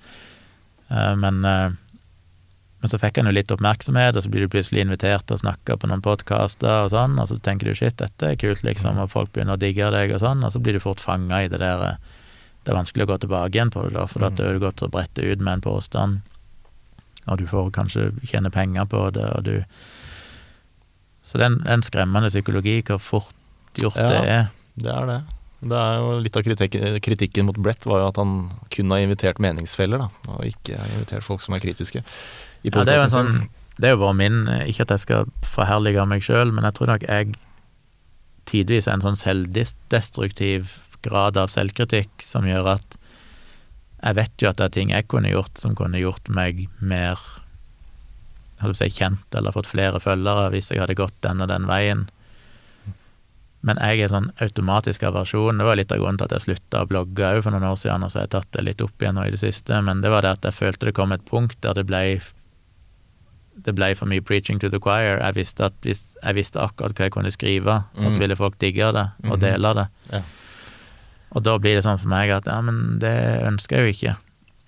Eh, da blir det et eller annet feil for meg. Så da fant jeg ut at det dropper jeg, og så vil jeg heller eh, drive med podkast, for der blir det et litt annet publikum.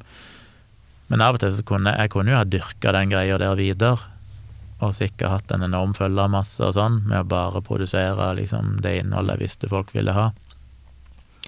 Uh, og det ser jeg jo andre norske Jeg har ofte brukt Kjetil Rollnes som eksempel. Altså jeg skulle ønske jeg hadde den der samme mentaliteten som jeg føler Kjetil Rollnes er for meg. Han har jo diskutert en del tidligere om innvandring og kriminalitet og sånn. Jeg føler jeg er så selvkritisk at det kommer til et punkt der det er sånn hvis jeg føler at, at jeg får liksom anti-Rollnes-klanen står og heier på meg, så burde jeg jo egentlig omfavne det og tenkt sånn shit, dette som heier på meg, dette er my winning team. Men for meg så blir det ubehagelig. Det er sånn, ja, men dette er jo ikke egentlig kritisk tenking. Eh, så jeg meldte meg jo bare helt ut av det til slutt. Jeg bare, dette her gidder jeg ikke å, å fortsette med. Ja, okay. Nei, Det visste jeg ikke at dere hadde en liten sånn beef. Uh, vi hadde det, og det ble jo en sånn fram og tilbake i Dagbladet, blant annet. Oh, ja. Og så kom han med et uh, Han skrev vel et eller annet, han kritiserte meg, og så skrev jeg et eller annet tilbake, og så skrev han et, og så skrev jeg et langt motsvar. Men så måtte jeg gå i meg sjøl og tenke sånn, skal jeg skal jeg gjøre dette? For at nå handler det ikke om saken lenger. Nå handler det om de som er på hans sitt parti, og de som er på Ja. mitt parti. Og for meg så ble det helt feil. Så endte jeg jo til slutt opp med å bruke mye av det i den boka, 'Håndbok i krisemaksimering', for der bruker jeg jo òg Rollnes og sånn som eksempel. Eh, men jeg hadde liksom skrevet tilsvaret klart, og følte jeg hadde argumentert mot hans sine ting, men jeg følte bare det kom til et punkt der det blir for personfokusert. Og jeg føler nok, og det kan godt være jeg tar feil, men det er bare min subjektive opplevelse, så tenker jeg at Rollnes er nok en som er flinkere til å dyrke den der eh, gruppementaliteten. Han bruker jo Facebook for alt det er verdt, og vet at hvis han skriver sånn og sånne ting, så får han 1000 likes og sånn. Jeg er jo sånn, hvis jeg får 1000 likes, så blir jeg veldig kritisk til meg sjøl. Det er sånn, hva nå har jeg gjort? Hvorfor eh, har jeg liksom vært en sell-out nå? Eh, Så jeg klarer ikke å nyte det, liksom, Nei. å få den oppmerksomheten, for da føler jeg at hvis jeg har gjort noe som mange liker, så er det et eller annet galt. Det er den en sanne skeptikeren i deg som eh, Ja. kommer fram. Og det tror jeg nok virker forskjellig for folk. Altså, jeg er nok ofte mer glad i å ha en sånn Altså, selvfølgelig skulle jeg ønske jeg hadde et enormt publikum, alt mulig sånn, men for å komme der, så føler jeg du må, må gå på Det går på bekostning av liksom mange av mine sånne prinsipper rundt akkurat det. Så nå er jeg litt mer fornøyd med å ha en sånn liten følgergruppe som jeg føler er genuint kritiske òg til meg, da.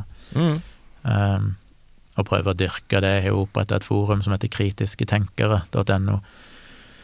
Og der prøver vi å ha litt sånn vi av og til en gang i uka eller annenhver uke, så har vi prøvd å ha en Zoom-prat, prat, eh, de som ønsker å delta i det, så vi kan møtes litt face to face og diskutere ting og sånn. Og, og da, jo, da prøver en jo å dyrke den der at skal, folk skal være kritiske til alt, inklusiv meg.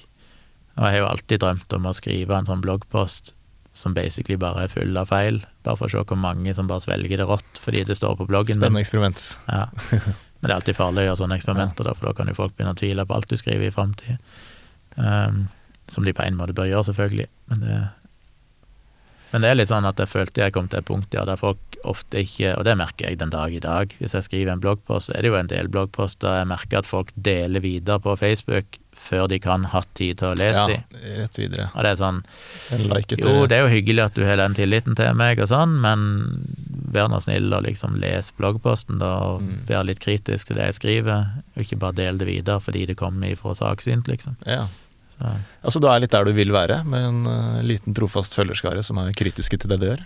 ja, samtidig så skulle jeg jo ønske at det var mer kommersielt grunnlag for å drive med vitenskapsformidling. Ja. Det er klart, jeg er jo frustrert over at at du har den der, det som tidligere var rosa-bloggere, men som i dag liksom er kalt for influensere. Mm. at de får så mye penger kasta på seg for å promotere bullshit, Mm. fordi det er et marked der.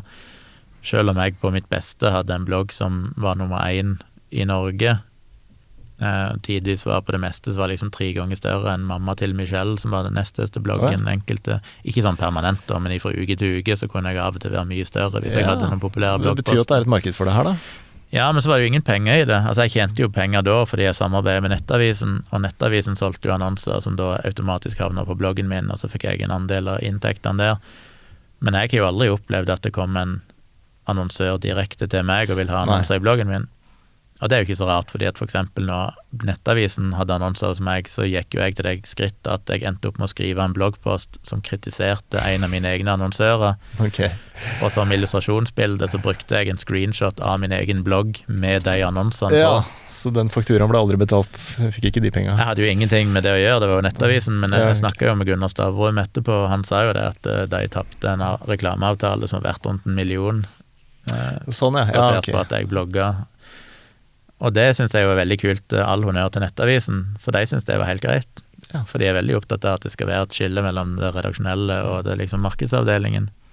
Um, Så hvis de ville aldri ha latt være å, å liksom la meg skrive det, eller fronte den bloggposten, selv om de visste at det var direkte i strid med en av deres egne annonsører. Så all kudos til Nettavisen for det.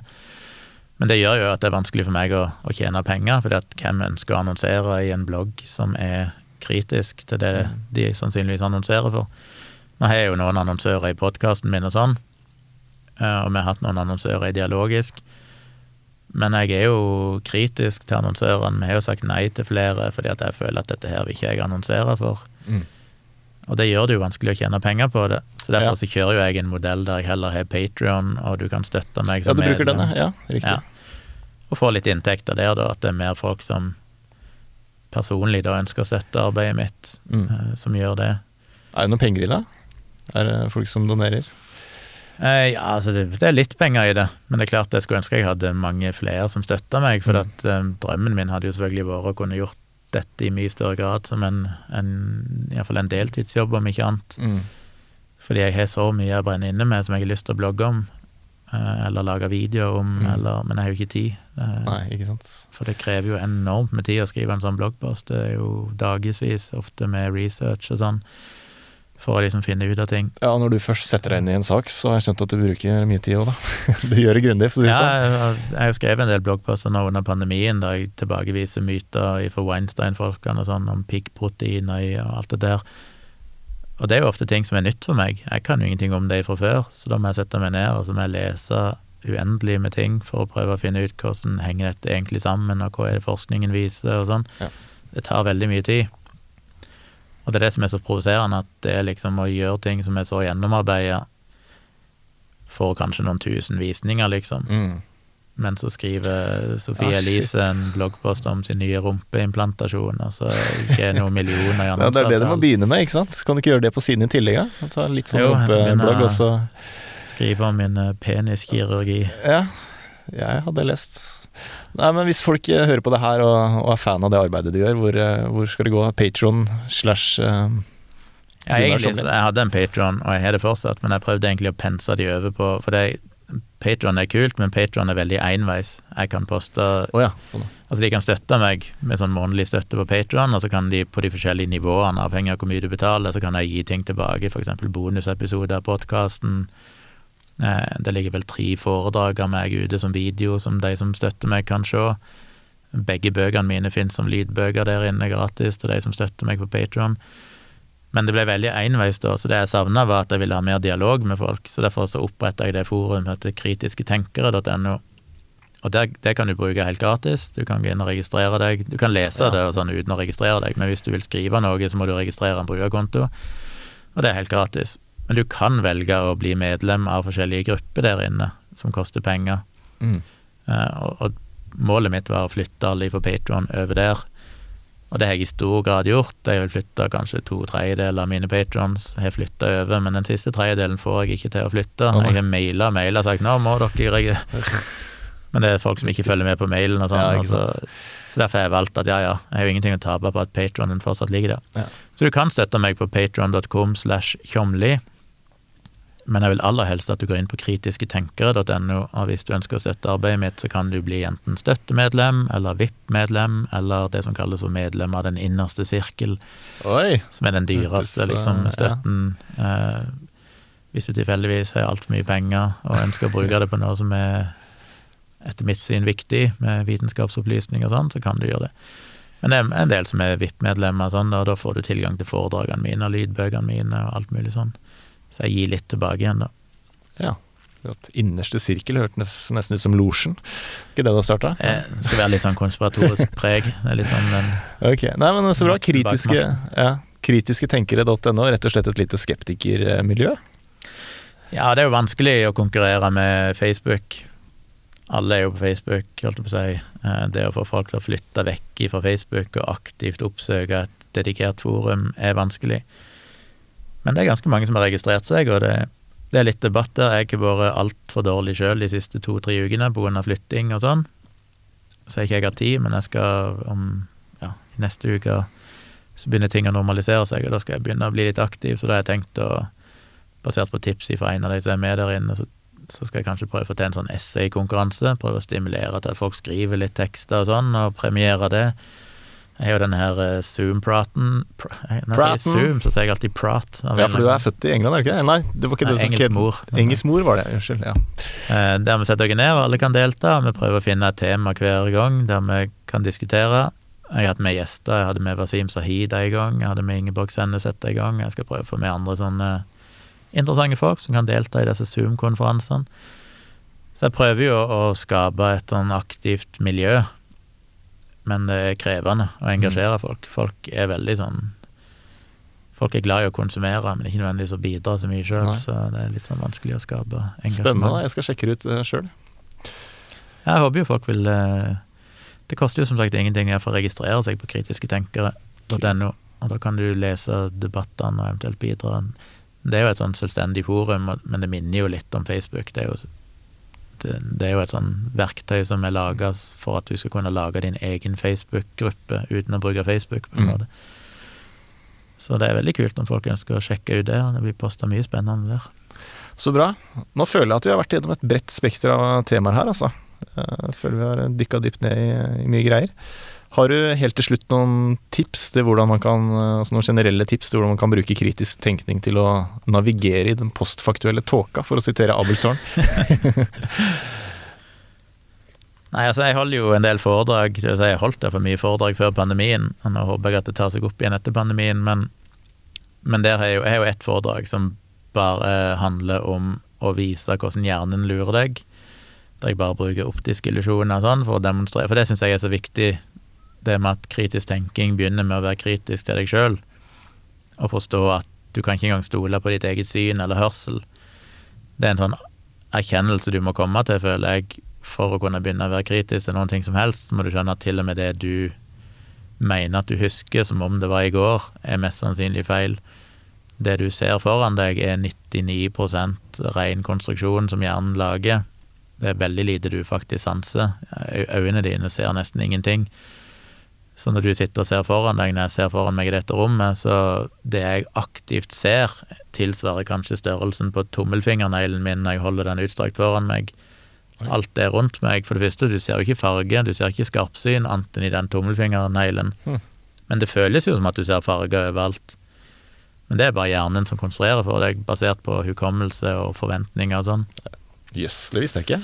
Og det demonstrerer jeg ganske fint i foredraget om å gi sånne optiske illusjoner der du vet hva som skjer, men du klarer ikke å se det. Mm. Fordi hjernen totalt overstyrer sanseinntrykkene dine. Og, sånn. og det syns jeg er veldig spennende å, begynne med det, og når jeg jobber med det og skrev om det i boken min, jeg har jo et kapittel om hukommelse i placebo-defekten, der jeg prøver å vise hva ufattelig upålitelig hukommelsen er, hvordan hukommelsen igjen handler mer om å skape mening og kontroll enn å faktisk huske ting korrekt.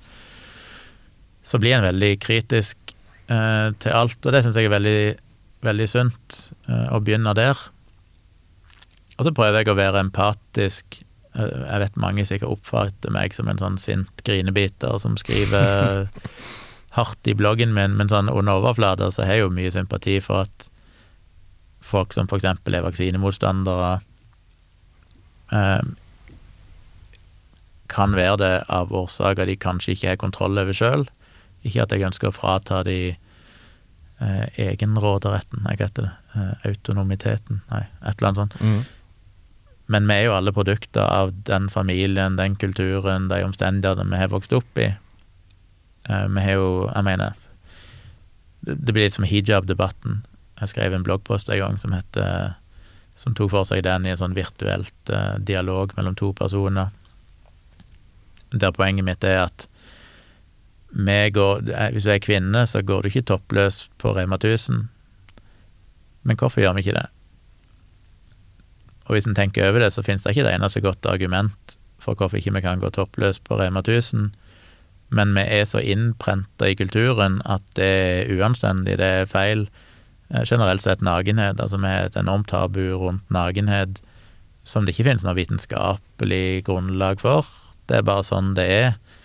Eh, eller det at du må gå i dress hvis du er, jobber i et uh, stort firma, eller du er stortingsrepresentant. Eller det at jeg kan ikke holde et foredrag og møte opp i kjole. Jeg kan selvfølgelig gjøre det, men folk vil sannsynligvis tro det er klikka for meg. Og det er sånne ting vi tar for gitt. Det med å bruke slips, hva er det for noe, liksom? Knytte et tøystykke rundt halsen har blitt symbolet på at du er seriøs. Og vi tar det for gitt. Det er så mange sånne ting som vi bare tenker sånn er det jo. Men tenk hvor absurd det er. Et fuckings mm. tøystykke rundt halsen er liksom det du må Hvis ikke du har det på deg når du er i en stortingssal eller møter kongen, så, er du, så har du ikke respekt.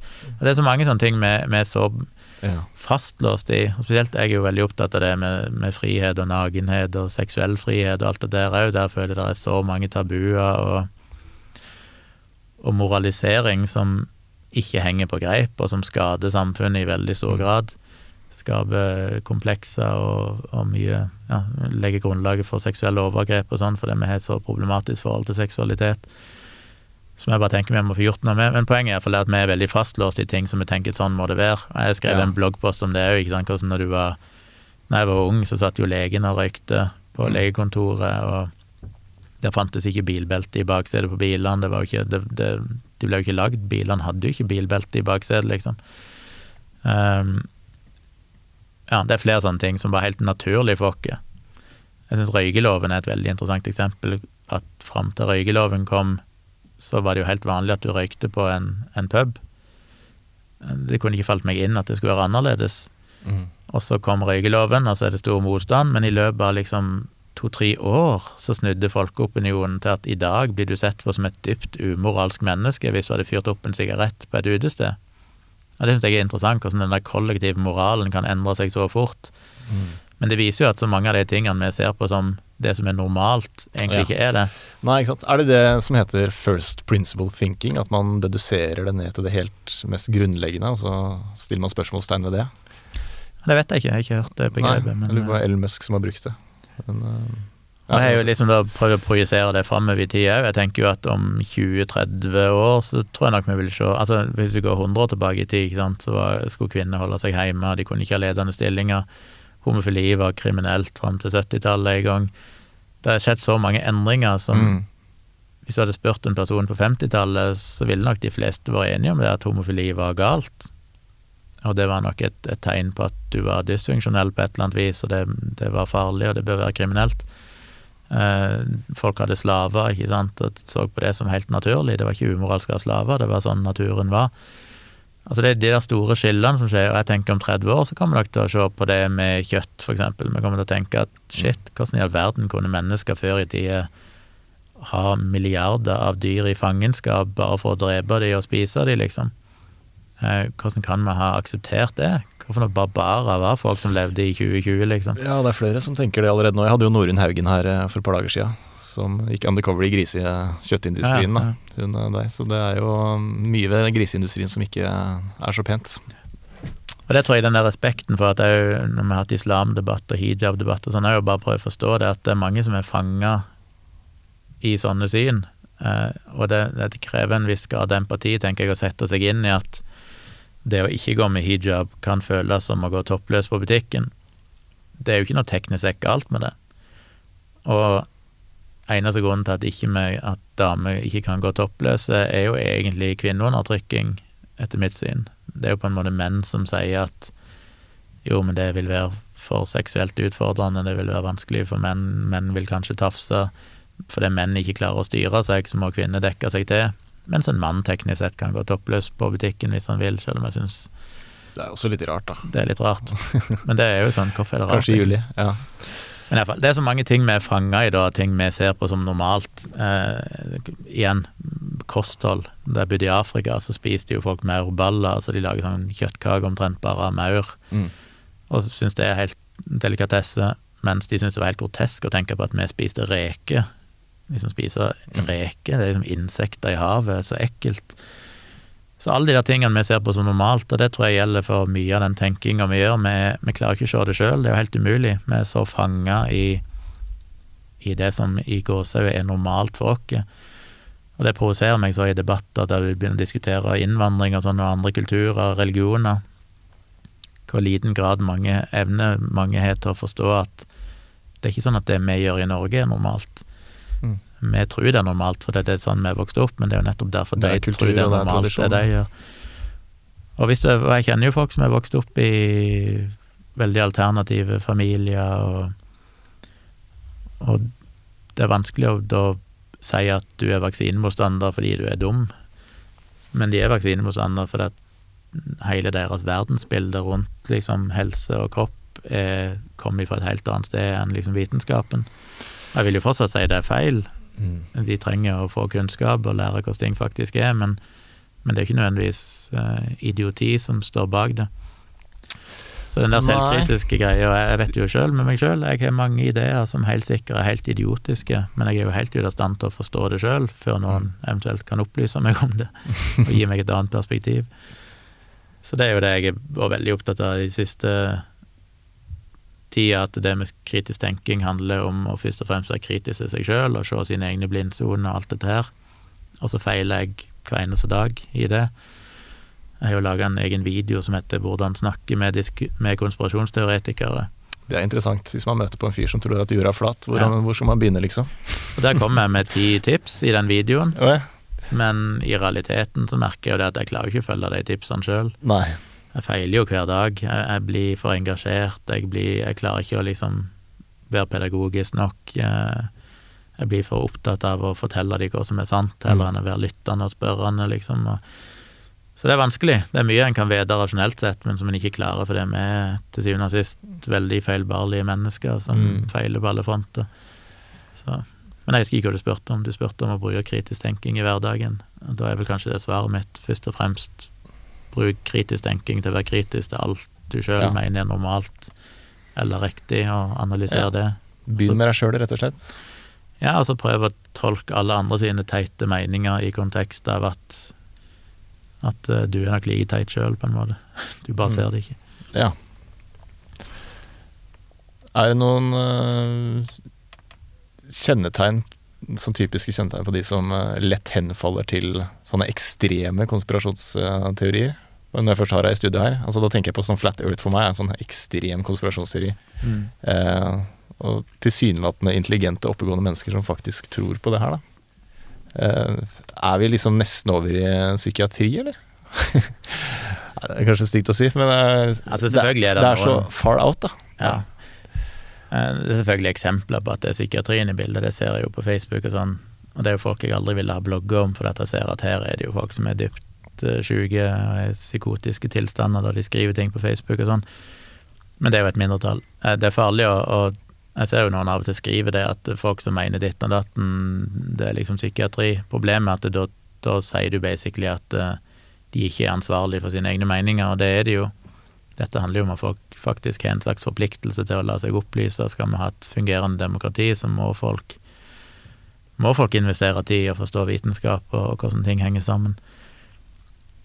Um, jeg vil jo anbefale alle å sjekke ut en video på YouTube som heter In Search of a Flat Earth, eller In Search of the Flat Earth, jeg husker ikke helt. Fantastisk video. Jeg husker ikke hvor lenge han varer. Han er litt krevende, for det er mer eller mindre en monolog fra en fyr som starter med Flat Earth, men så går han gradvis over til å egentlig forklare hele kua, noen fenomener. Ja. Og jeg skjønte ikke helt videoen da jeg først så han, tenkte hva, hva vil han med dette? Men så på slutten så knytter han det sammen på en så genial måte, der bare eh, du, du skjønner liksom hva egentlig Flat Earth handler om. Det handler jo egentlig ikke om, om flatjord, men det handler jo egentlig om Samhold, sikkert. ja, det er egentlig en protest mot det etablerte, på et vis. Denne her aversjonen mot at noen skal fortelle deg hva som er sant, mot at myndighetene skal ha for mye makt, mot at eh, At du Det som er vanskelig for mange, tror jeg, er å forstå at det å, å sette seg inn i ting faktisk tar tid og Mm. krever ressurser, så de prøver å finne snarveier. Og det var vel innom tidlig i podkasten her nå, at snarveien er jo da gjerne å bare være kontrær. For å være kontrær. Fordi hvis du er kontrær, så har du automatisk stempla deg sjøl som en som har tenkt litt lenger enn alle andre. En Mm. som har gjennomskua den offisielle sannheten. I praksis er du bare ikke gidda å forstå noen ting. Så heller enn å sette deg inn i hvordan mRNA-vaksiner faktisk fungerer, og komplekst, hvor komplekst det egentlig er, og hva disse studiene egentlig forteller, så kan du heller bare komme med en snarvei og si at ja, men et eller annet eh, Weinstein-piss, Malone-piss, som bare betyr egentlig at du ikke satt deg inn i saken, men ved å være kontrær så har du stempla deg sjøl som en som ikke svelger det offisielle narrativet, ergo så må du være smartere enn alle andre.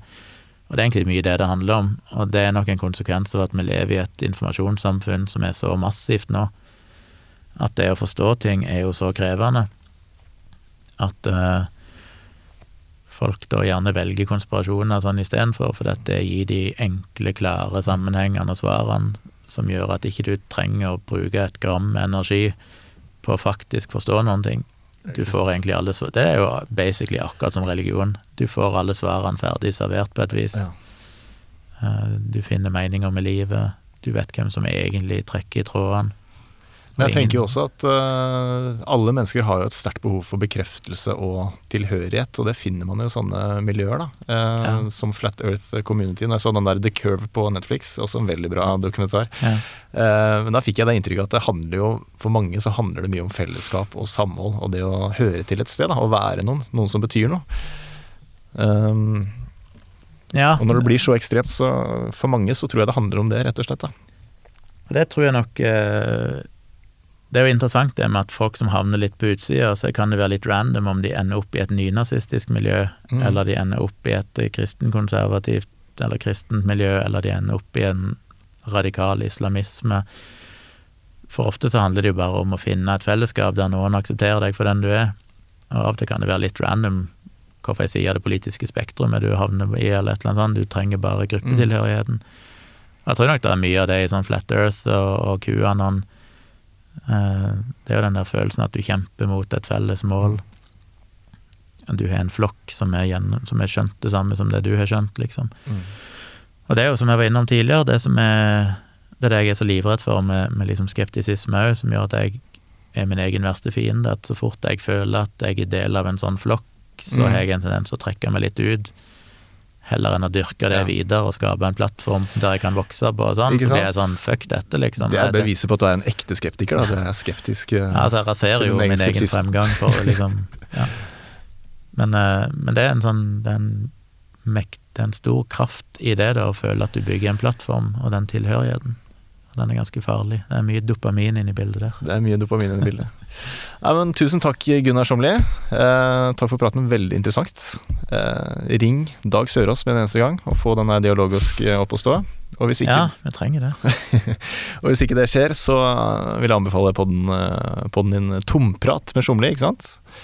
Tomprat med Gunnar Kjomli, ja. Eh, bare søk på Tomprat. Den fins på Spotify og alle plasser der det fins podkaster.